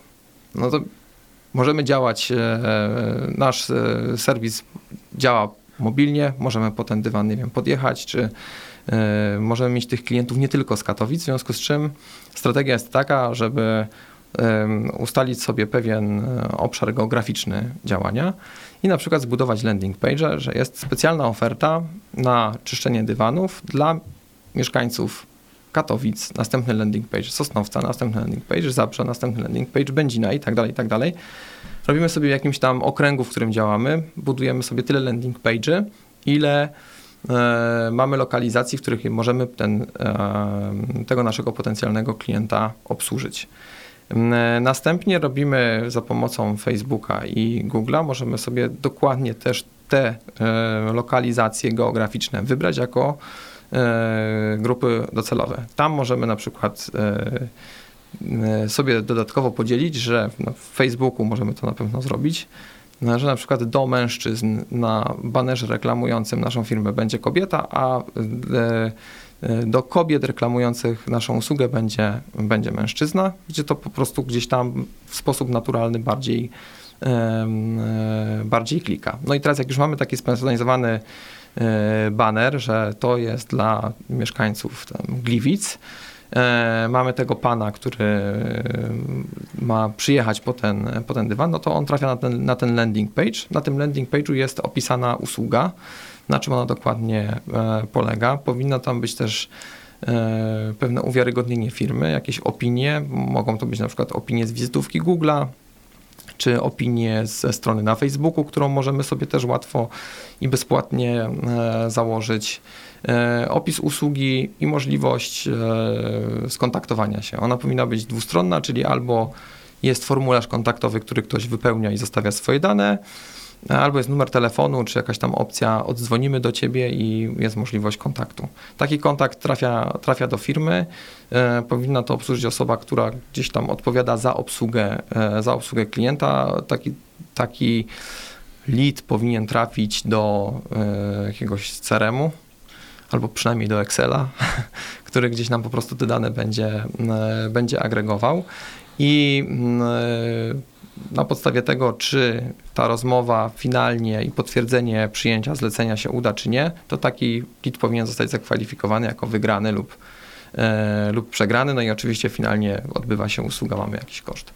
To, co jest ważne w tym, to, co jest ważne na przykład przy takim teście, możemy taki test prowadzić przez powiedzmy pierwszy miesiąc i bardzo łatwo zobaczymy, które lokalizacje, w których lokalizacjach ile kosztuje nas pozyskanie potencjalnego klienta.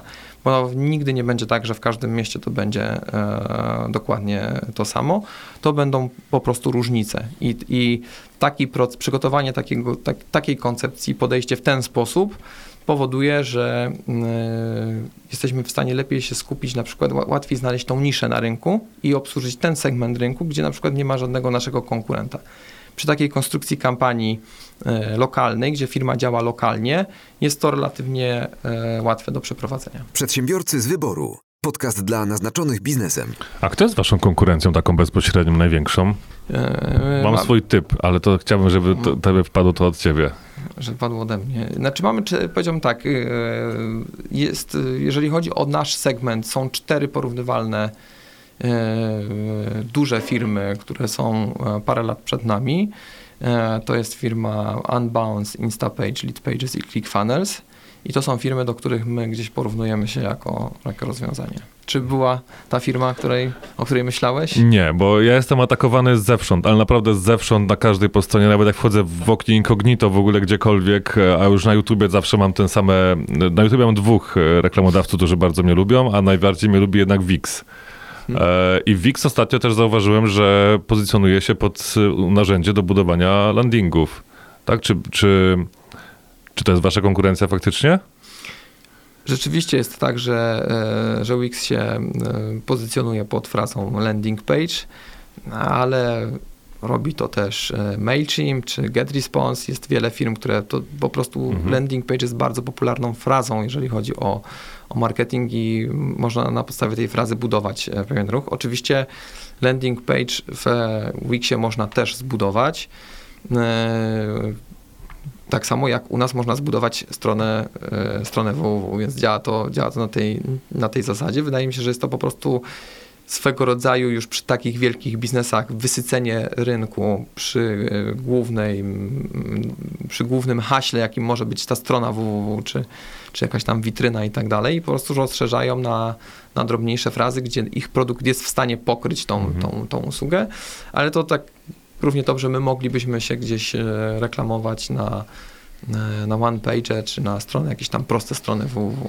Okej, okay, a to właśnie patrząc na to, że ten UX mi wychodzi z, zewsząd, to a wy niekoniecznie, e, e, to jak wy pozyskujecie klienta, w sensie jak, jak kierujecie, jakimi kanałami reklamowymi uderzacie? Ja tylko dodam, że raz byłem na stronie landingi I już masz, masz i mam tak? ich wszędzie. Wszędzie ich mam. I piksele działają. Piksele działają.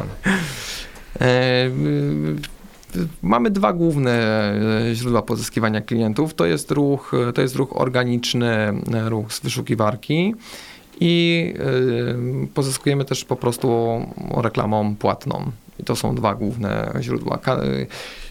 Kanały takie jak e-mail marketing czy social media są marginalne Mamy troszkę ruchu, jeżeli chodzi o program partnerski, który się coraz e, lepiej rozwija.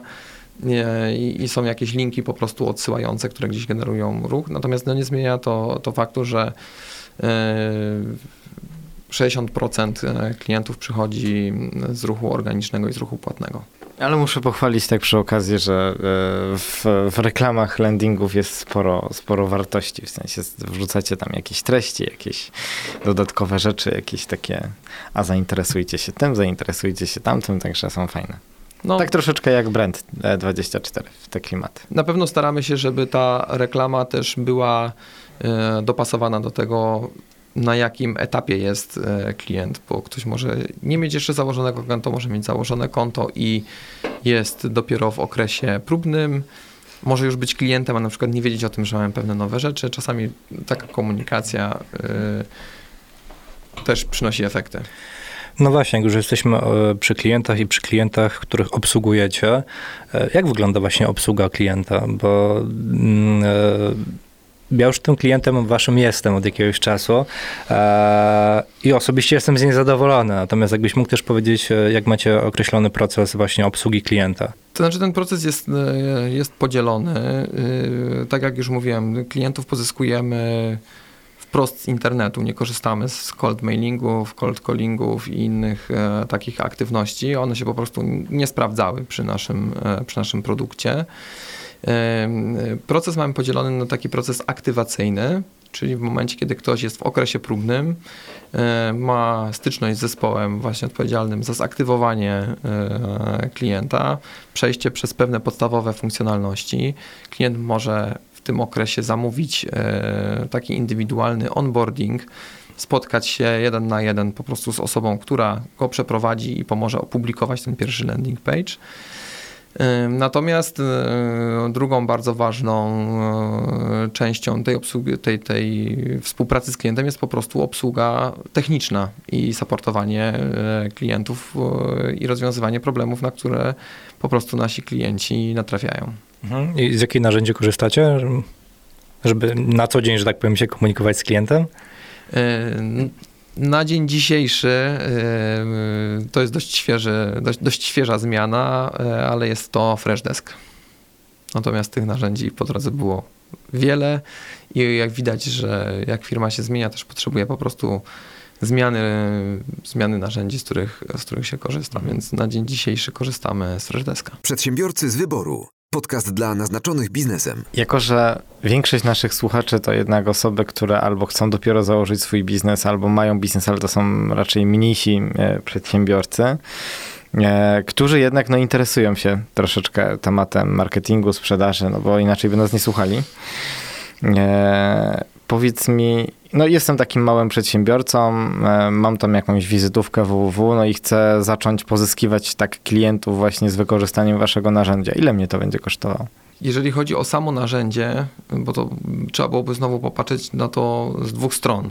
E, czy będziesz chciał to robić samodzielnie, czy będziesz chciał nam to zlecić. E, to na pewno, co chciałbym powiedzieć przy okazji tego, w jaki sposób planować tego typu wydatki, to, to na co często przedsiębiorcy nie zwracają uwagę, czyli na sezonowość w biznesie. E, to da się łatwo sprawdzić za pomocą ogólnodostępnych narzędzi, przede wszystkim takich jak Google Trends, gdzie można po prostu e, na tej stronie wpisać frazę najbardziej najbliższą naszemu biznesowi i zobaczyć, jak ona się układa e, w roku. Wydaje mi się, że to, gdzie jest często popełniany błąd, to to, że na przykład budżet jest rozłożony równomiernie na wszystkie miesiące, w związku z czym ktoś przeznacza 500 zł i to leci sobie przez 12 miesięcy i mówi, ja mam budżet 6000 zł i, i tego się trzymam, a dużo lepszym na przykład efektem mogłoby być, gdyby wydał dwa razy po 3000 w tych miesiącach, kiedy jest to najlepszy miesiąc dla tej branży. E, w związku z czym e, to wydaje mi się, że jest najważniejsze, żeby sobie odpowiedzieć, ile w ogóle na działania marketingowe mogę przeznaczyć, i y, w drugiej kolejności zastanowić się, kiedy mam wydać te środki. Jeżeli chodzi o samą, jeżeli chodzi o samą aplikację, to, to te koszty są na poziomie takim dla, dla startowych firm, to spokojnie na poziomie e, około 120, 100, 129 złotych w przypadku opłat miesięcznych, a jeżeli w przypadku rocznej e, z góry to jest 99 zł miesięcznie. Są tam wszelkie funkcjonalności startowe, które wystarczają do tego, żeby uruchomić kilkanaście pierwszych, e, kilkanaście pierwszych landing page do, do najprostszej kampanii i jakiegoś niedużego ruchu, który, który obsługujemy. Natomiast tak jak mówię, bardziej bym się skupił na tym i jeszcze zbadał, ile będzie kosztowało mnie pozyskanie ruchu, bo idea też cennika naszego produktu jest taka, że on jest marginalny patrząc na to, ile kosztuje pozyskanie, e, pozyskanie ruchu. Generalnie narzędzia powinny kosztować gdzieś na poziomie powiedzmy 10% tego budżetu marketingowego, który wydajemy na pozyskiwanie klienta i to tam jest tak naprawdę zaszyty największy koszt, z którym często e, ten początkujący przedsiębiorca nie zdaje sobie sprawy, że tak to, e, że tak to funkcjonuje i zrobi na przykład landing page'a, puści go na Facebooku, że jest, zrobił to na przykład w formie takiej strony, czy jakiejś tam oferty pierwszej, e, wysłał to do jakiejś tam mm, swojej bazy maili, którą miał i nie ma z tego po prostu kompletnie żadnego efektu. Na, na taki landing page przychodzi powiedzmy do 100 osób w miesiącu i nie ma, nie ma konwersji i jest informacja, że mm, ten landing page nie działa. No on po prostu nie ma szans na to, żeby zadziałać, bo istotą tego jest po prostu wygenerowanie odpowiedniego wolumenu ruchu na swoim landing page'u czy swojej stronie internetowej. I myślę, że to jest e, taki poważny problem na dzień dzisiejszy, który my obserwujemy jako firma, która e, widzi, jak te kampanie klientów się e, układają. Też między innymi dlatego zadałem to pytanie, bo sam z doświadczenia widzę, jak obsługuję różnych moich klientów, że często właśnie wasze rozwiązanie wychodzi no bardziej atrakcyjnie niż gdzieś tam bawienie się, wstawianie nowych stron i tak dalej, nie? Jeżeli faktycznie ktoś do tego marketingu podchodzi tak no elastycznie i faktycznie coś tam chce zwojować, e, no to po prostu jakby zwykłym porównaniem wychodzi to atrakcyjnie. Dobra, bo tutaj panowie cię zaczęli podpytywać o szczegóły prowadzenia firmy, a ja chcę wrócić do landingów trochę. Um, czymś, z czym się bardzo borykają firmy jest współczynnik e, odrzuceń, tak? Żeby te strony, żeby te strony, no i również landingi były w jakiś sposób atrakcyjne. No i jak już wspomnieliśmy, te landingi zawsze wyglądają podobnie w jakiś sposób, ale czy spotkałeś się z jakimiś e, protipami albo z czymś tak oryginalnym landingu, co sprawiało, że tam klienci po prostu wracali po, po... jakieś takie fajne case, no jak mówiłeś, no 300 tysięcy, tak? E, dobrze pamiętam liczbę? E, tak. 300. No, no to myślę, że znalazłeś jakieś perełki, co stwierdziłeś, że oj, oj, widzę uśmiech tam. A okej, okay, są rzeczy, o których nie możemy powiedzieć, spodziewam się, ale jak coś ci parę jakichś fajnych case'ów, które ci przyszły do głowy. E, to znaczy tak, na pewno, na pewno ta, e, ta ilość już i landing page i klientów, którą mamy, zdecydowanie utrudnia to, żeby śledzić, co się dzieje na kontach i jakie landing page i jakie perełki tam się gdzieś znajdują. Natomiast to, co czasami mnie zaskakuje, jeżeli chodzi o kampanię klientów, to jest to, że jest landing page który absolutnie łamie wszystkie reguły, w jaki sposób taki landing page się robi i ma konwersję na poziomie 70 czy 80%. Natomiast e, zawsze taki case gdzieś staram się przeanalizować i sprawdzić, dlaczego tak się dzieje. I finalnie zawsze e, to, co działa najlepiej, to jest e, po prostu super dopasowanie treści, czy nawet stylu zbudowania landing page'a do grupy docelowej klienta, do którego została wysłana reklama. I y, nawet przy złamaniu pewnych reguł tworzenia takiego landing page'a, jeżeli trafiamy z usługą lub produktem dokładnie do tego segmentu klientów, który tego potrzebuje, to uwierzcie, że ludzie przejdą przez każdą stronę, byleby po prostu z tej oferty skorzystać. Nie ma takiego, nie ma takiego jasnego jakby zestawu Mm, e, rzeczy, które powodują, że landing page e, ma ten niższy współczynnik e, odrzuceń w stosunku do pozostałych. Na pewno nie bez znaczenia pozostaje gdzieś wideo, które zdecydowanie uatrakcyjnia taki landing page i daje mm, po prostu w krótszym czasie możliwość przyswojenia większej ilości informacji. I na pewno te landing page z, z wideo są Mm, skuteczniejsze, klienci tam zostają e, dłużej. Istotne jest też to, żeby umiejętnie zweryfikować sobie ten landing page, znaczy zweryfikować swoją firmę na tym landing page'u, czyli te, te referencje, e, opinie i te, te informacje pokazujące, że z tego produktu czy usługi już korzystają inni klienci, e, to jest mega ważne. Natomiast ważne jest, żeby to po prostu było zrobione w sposób autentyczny, a nie z jakiegoś tam stokowego zdjęcia, wsadzony cytat i John Doe poleca, e, tak? Tak, tak, tak, dokładnie. Więc, e, więc wydaje mi się, że to jest e, ważne, żeby to rzeczywiście zrobić w sposób taki uczciwy i, i profesjonalny. Niekoniecznie zdjęcie musi być piękne. Uważam, że dużo lepsze jest właśnie na przykład pokazanie produktu w kontekście jego użytkowania, pokazanie, nie wiem, prawdziwego samochodu firmowego, czy zdjęcia biura i tak dalej, jest to dla po prostu potencjalnego klienta dużo bardziej wiarygodne. Nawet jeżeli to nie wygląda jak na jakimś tam amerykańskim firmie, to jednak e, to powoduje, że klient bardziej nam, e, bardziej nam ufa. Więc kwestia zbudowania zaufania, umiejętnego przedstawienia atrakcyjnie treści i dopasowania grupy docelowej to są takie czynniki, które e, powodują o sukcesie. Super. To, co powiedziałeś o tym aucie firmowym, przypomniało mi pewną anegdotę związaną ze swojej firmy. Jak zupełnie na samym początku firmy, mm, no strona była oparta głównie o zdjęcia stokowe, bo nie mieliśmy ich po prostu z realizacji i podjechaliśmy kiedyś pod hotel, w którym robiliśmy realizację naszym firmowym brandingiem. Oklejonym, no to widać, że to auto nie jest prosto z salonu zdecydowanie i w, dowiedziałem się już po realizacji, gdy już wszystko poszło ok, od dyrektora hotelu, że jak zobaczył to auto, to stwierdził, Uff, no to ta firma w takim razie nadaje się do współpracy, no bo skoro jeżdżą takim autem, no to znaczy, że to nie jest yy, na zasadzie, że nie wiadomo skąd się wzięli i tak dalej, no już wysłużone, czyli zrobiło swoje kilometry dla tej firmy. A ja, no okej. Okay. Ale no, u, u, jakbyśmy mieli, wiadomo, nałożone gdzieś tam graficzki i super e, porobione, to może by to tak nie wzbudzało. Strona nie wzbudzała takiego podobno e, zaufania jak to auto, więc to jest taki fajny case. Dobra, a ja się chciałem jeszcze pytać o inną rzecz, bezpieczeństwo bezpieczeństwo. Ja się tylko chciałem tylko wtrącić A. do współczynnika odrzuceń. Tak dawaj, krótki dawaj, komentarz. Dawaj. Nie powinniśmy według mnie mierzyć współczynnika odrzuceń w Google Analytics dla landing page. Tak. Powinniśmy, powinniśmy to ignorować. Pierwsze, co powinniśmy ignorować w landingach, to jest współczynnik odrzuceń. Prawda? tak, tak, potwierdzam. Yy, znaczy oczywiście ten współczynnik odrzuceń to zależy od tego, jak jest jak, jeszcze zbudowany ten landing, tak? Ale patrząc na, na, jednego lida...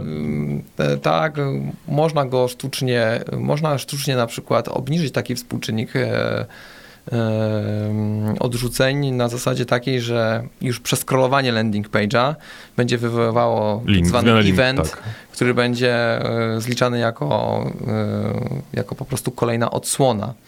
Więc e, w ten sposób moglibyśmy e, podejść do bardziej e, prawdziwych wyników, natomiast jest to gdzieś tam znowu wymaga to większego nakładu pracy, w jaki sposób to zrobić. Nie ma to moim zdaniem sensu. Współczynnik odrzuceń jest taki, jaki jest odwrotnością współczynnika konwersji po prostu na landing page'u i tyle. E, i nie ma sensu moim zdaniem tutaj zbyt dogłębnej analityki w przypadku jakiejś prostej akcji marketingowej i jednego landing page'a e, dorabiać. Przedsiębiorcy z wyboru. Podcast dla naznaczonych biznesem. Okej, okay, ja chciałem jeszcze podpytać troszkę mm, o bezpieczeństwo. Czy taki landing. Y, ja, ja, ja, nie jestem, tak jak Paweł, specjalistą od marketingu. Ja tam nie, nie, nie, nie stawiam stron. Czy on w jakiś sposób jest bezpieczniejszy od zwykłej strony? W jakiś sposób? Nie wiem, e, backupy jakieś robicie dodatkowe. E, no bo słyszy się nieraz tak o firmach, które pewnie się budzą i ich strona zawiera treści no troszkę inne niż, niż zostawiali. Tam zresztą mieliśmy tutaj też e, fajny case z Juve Poland, tak? Gdy naszym gościem był Łukasz, no i um, Łukasz jest administratorem e, forum Juventusu od ho, ho, ho lat, no i pewnego dnia no, padło i nagle dane sprzed kilkunastu lat no wcięło, tak? No, mieli backup, ale sprzed chyba pół roku, tak? A tutaj, no jak to wygląda w takim przypadku? Okej, okay, no stawia się je szybciej, więc ta treść jest też nie może aż tak istotna, powiedzmy, jak gdzieś tam na stronie, którą budujemy latami, ale z drugiej strony, no całą kampanię są, prawda, ustawione pod to. E, no, no to bezpieczeństwo można popatrzeć e, z kilku perspektyw. Przede wszystkim e, wyższy poziom bezpieczeństwa pewnie w stosunku do jakiegoś tam forum jest to, że nasz system jest autorski, to nie jest system otwarty, który można próbować zhakować lub dostać się do kodu źródłowego i wiedzieć w jaki sposób jest skonstruowany. E, co często na przykład ma miejsce przy WordPressie, czy jakimś Drupalu, czy, czy i różnych CMS-ach, na których są postawione strony, gdzie są to po prostu rozwiązania open source'owe, jeżeli nie są update'owane, nie, to po prostu jest zawsze dużo większe ryzyko, że na takim serwisie znajdziemy treść, lub nawet jeżeli jej nie widzimy, to ona tam jest, która jest po prostu niepożądana z naszego punktu e, widzenia. Jeżeli chodzi o samo e, bezpieczeństwo, to to, co bardzo cenią sobie nasi klienci, to automatyczną instalację SSL-i, czyli nie musi klient już w ogóle myśleć o, ani o zakupie, ani o instalacji tego SSL-a. W momencie podpinania domeny nasz system w sposób automatyczny generuje y, SSL dla domeny i taka strona już jest skuteczką zabezpieczona, więc już podnosimy swoją wiarygodność. E, Jest to taki e, na dzień dzisiejszy must have, jeżeli chodzi o, e, o stronę internetową, ale nadal w wielu wypadkach to czasami sprawia techniczne trudności. U nas jest ten proces zautomatyzowany, nie wiąże się też żadnymi dodatkowymi kosztami. Jeżeli chodzi o same rozwiązania i, i backupy, to oczywiście tak. Nie, nie mieliśmy takich sytuacji, żeby, e, żeby było to e, konieczne, żeby to odtwarzać. Mamy, każdy landing page e, jest wersjonowany. Można się wrócić do wcześniejszej wersji landing page'a, można zobaczyć w jaki sposób był modyfikowany, przez kogo był modyfikowany. Mamy też system tak zwanych audit logów, czyli możemy przejrzeć, co się działo w całej aplikacji, zobaczyć, kto kiedy się logował i co zmieniał na jakim landing page'u. Jest pełna, pełna e, kontrola takiego, e, takiego systemu. Natomiast na pewno, e, choć staramy się dbać o to, żeby hasła do systemu były silne, no to w momencie wycieku hasła i dostępu do konta, czy zhakowania po prostu dostępu do konta, no to za to jakby już nie jesteśmy w stanie wziąć, wziąć odpowiedzialności i e, staramy się tutaj edukować, żeby, żeby to hasło jednak było e, silne lub najlepiej rejestrować się za pomocą konta Google czy Facebook, gdzie ta weryfikacja jest e, bardziej pewna.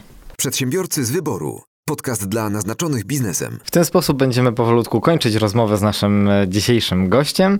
Natomiast zanim przejdziemy do wierszyka, bo tutaj Piotrek już od jakiegoś czasu pokazuje. A czemu, chce... czemu wierszyka? Wierszyka to jest tak periatywnie trochę określenie. To, to jest wiersz, to jest utwór do utworu. Tego jeszcze nie wiemy. Ja widziałem już tutaj, na, na prompterze już widziałem podgląd Zatem zanim przejdziemy do utworu. utworu literackiego, to mamy dla Was też e, niespodziankę, e, ponieważ e, zakładamy, że będziecie chcieli zobaczyć, co to narzędzie potrafi. No i macie taką możliwość, ponieważ możecie skorzystać z dwumiesięcznego okresu bezpłatnego. Dobrze mówię? Wszystko się zgadza. Przygotowaliśmy specjalnie dla słuchaczy właśnie taki 60-dniowy trial, bo standardowo jest to 14 dni. Jeżeli skorzystacie z takiego landing page'a, e, landingi.com łamane przez PZW, to e, będziecie mogli wejść na, na, do naszej platformy e, na dwa miesiące. Uwolnij się od IT. Wypróbuj landingi już dziś. Oczywiście link znajdziecie w notatkach, jest też na naszym Facebooku. Przedsiębiorcy z wyboru. Podcast dla naznaczonych biznesem. Sylwia Z. Ostatnio skomentowała. Sylwia? Sylwia, Sylwia Jejku, jak miło. Ostatnio skomentowała nasz podcast. Odczytałem ten komentarz w poprzednim odcinku, a teraz pora na utwór liryczny. Wraca mi wiara w sens biznesu. No i pięknie, Sylwia, zero stresu. Podrzuć nam, Sylwio, kilka tematów, ale konkretów, nie sofizmatów. Zrobimy z nich show taki, że haha, będziemy tak szybcy jak motocykl Yamaha. To najwyższa pora chyba Mariusz kończyć. Tak. E, Ale z przytupem, bo pamiętaj, że Właśnie. to twoja, to zakończenie twojej dziesiątki. drodzy słuchacze, Mariusz, właśnie nie szybki wywiad z tobą. Jak cię prowadziło te 10 odcinków? Raz Fantast- cię- Raz cię chyba nie było. E, raz, no chyba, chyba faktycznie raz oddałem pałeczkę Pawłowi. Jak cię tam prowadziło, co? Jakie wrażenia? Bardzo dobrze się was prowadziło. My się zawsze dobrze prowadzimy. Cieszę się, że ktoś e, mógł po prostu pokazać, jak powinno wyglądać prowadzenie. Ja chciałem tylko jeszcze powiedzieć, że to mógł być ostatni odcinek w trybie regularności co tydzień publikacji e, i w miarę co tydzień, czyli koło środy, czyli w środę docelowo. Teraz mieliśmy jeden poszlizn, ale zdarza się. No ale jak Piotr będzie prowadzącym, to sądzę, że montaż może się przedłużyć do kilkudziesięciu godzin, więc y, możemy być teraz podcastem dwutygodniowym przez najbliższe 10 odcinków. Czyli uchyliłeś rąbka tajemnicy, kto będzie prowadził kolejną dziesiątkę. Do usłyszenia. Cześć. Nie, nie tak łatwo. Błagam cię, Mariusz, Mariusz, Mariusz, nie odpuści. Koniec! Mariusz tak łatwo mikrofonu się nie pozbędzie. Ale zobaczycie, że Mariusz, on tam jeszcze coś ma. On, to, on, on, on jeszcze ma coś, co wymyślił, zapisał sobie, on to chce powiedzieć do mikrofonu. No słuchamy. Ja tylko wam chciałem powiedzieć, żebyście dawali tylko pięciogwiazdkowe recenzje, żebyście e, pisali nam komentarze. Pamiętajcie, że najlepsze są później nagradzane wierszami Piotrka. Mam nadzieję, że e, da radę pogodzić te dwie funkcje. Trzymajcie się ciepło. Do usłyszenia. Cześć. Cześć. Siema. Cześć. Przedsiębiorcy z wyboru. Podcast dla naznaczonych biznesem. Porady, studium przypadków, nowinki, analizy, dyskusje, rozmowy, opinie. To było to dobre? To było to dobre, no? A, a, a, o, Niezłe, nie? Ale to było dobre. Wiem, wiem, wiem, wiem. Dobra, bo to, to, to, to nawet nie będzie do bloopersów w takim razie. Prawda jest taka, że właśnie się dowiedziałem, no ale okej. Jest prawda ekranu i prawda mikrofonu. I, źle- i, nie- I nie poszło najlepiej. Czy nie? Ja to złożę. Ja mam super hasło reklamowe w nawiązaniu do tego maila, który dzisiaj otrzymałem. PZW wydłużamy czterokrotnie. O, proszę. I teraz miejsce dla El Condorpasa. Natomiast drodzy słuchacze, jak już się dowiedzieliście, e, spójrzmy prawdzie w oczy. Ała, ała, ała. Kończy się, Prawda w oczy kolej. w której podnieśliśmy poziom merytoryczny, w którym żarty prowadzącego były wysokich lotów. Yy, dobrze, dobrze, bo i tak to, to wycinał, po co ci to w ogóle? Po co się męczysz?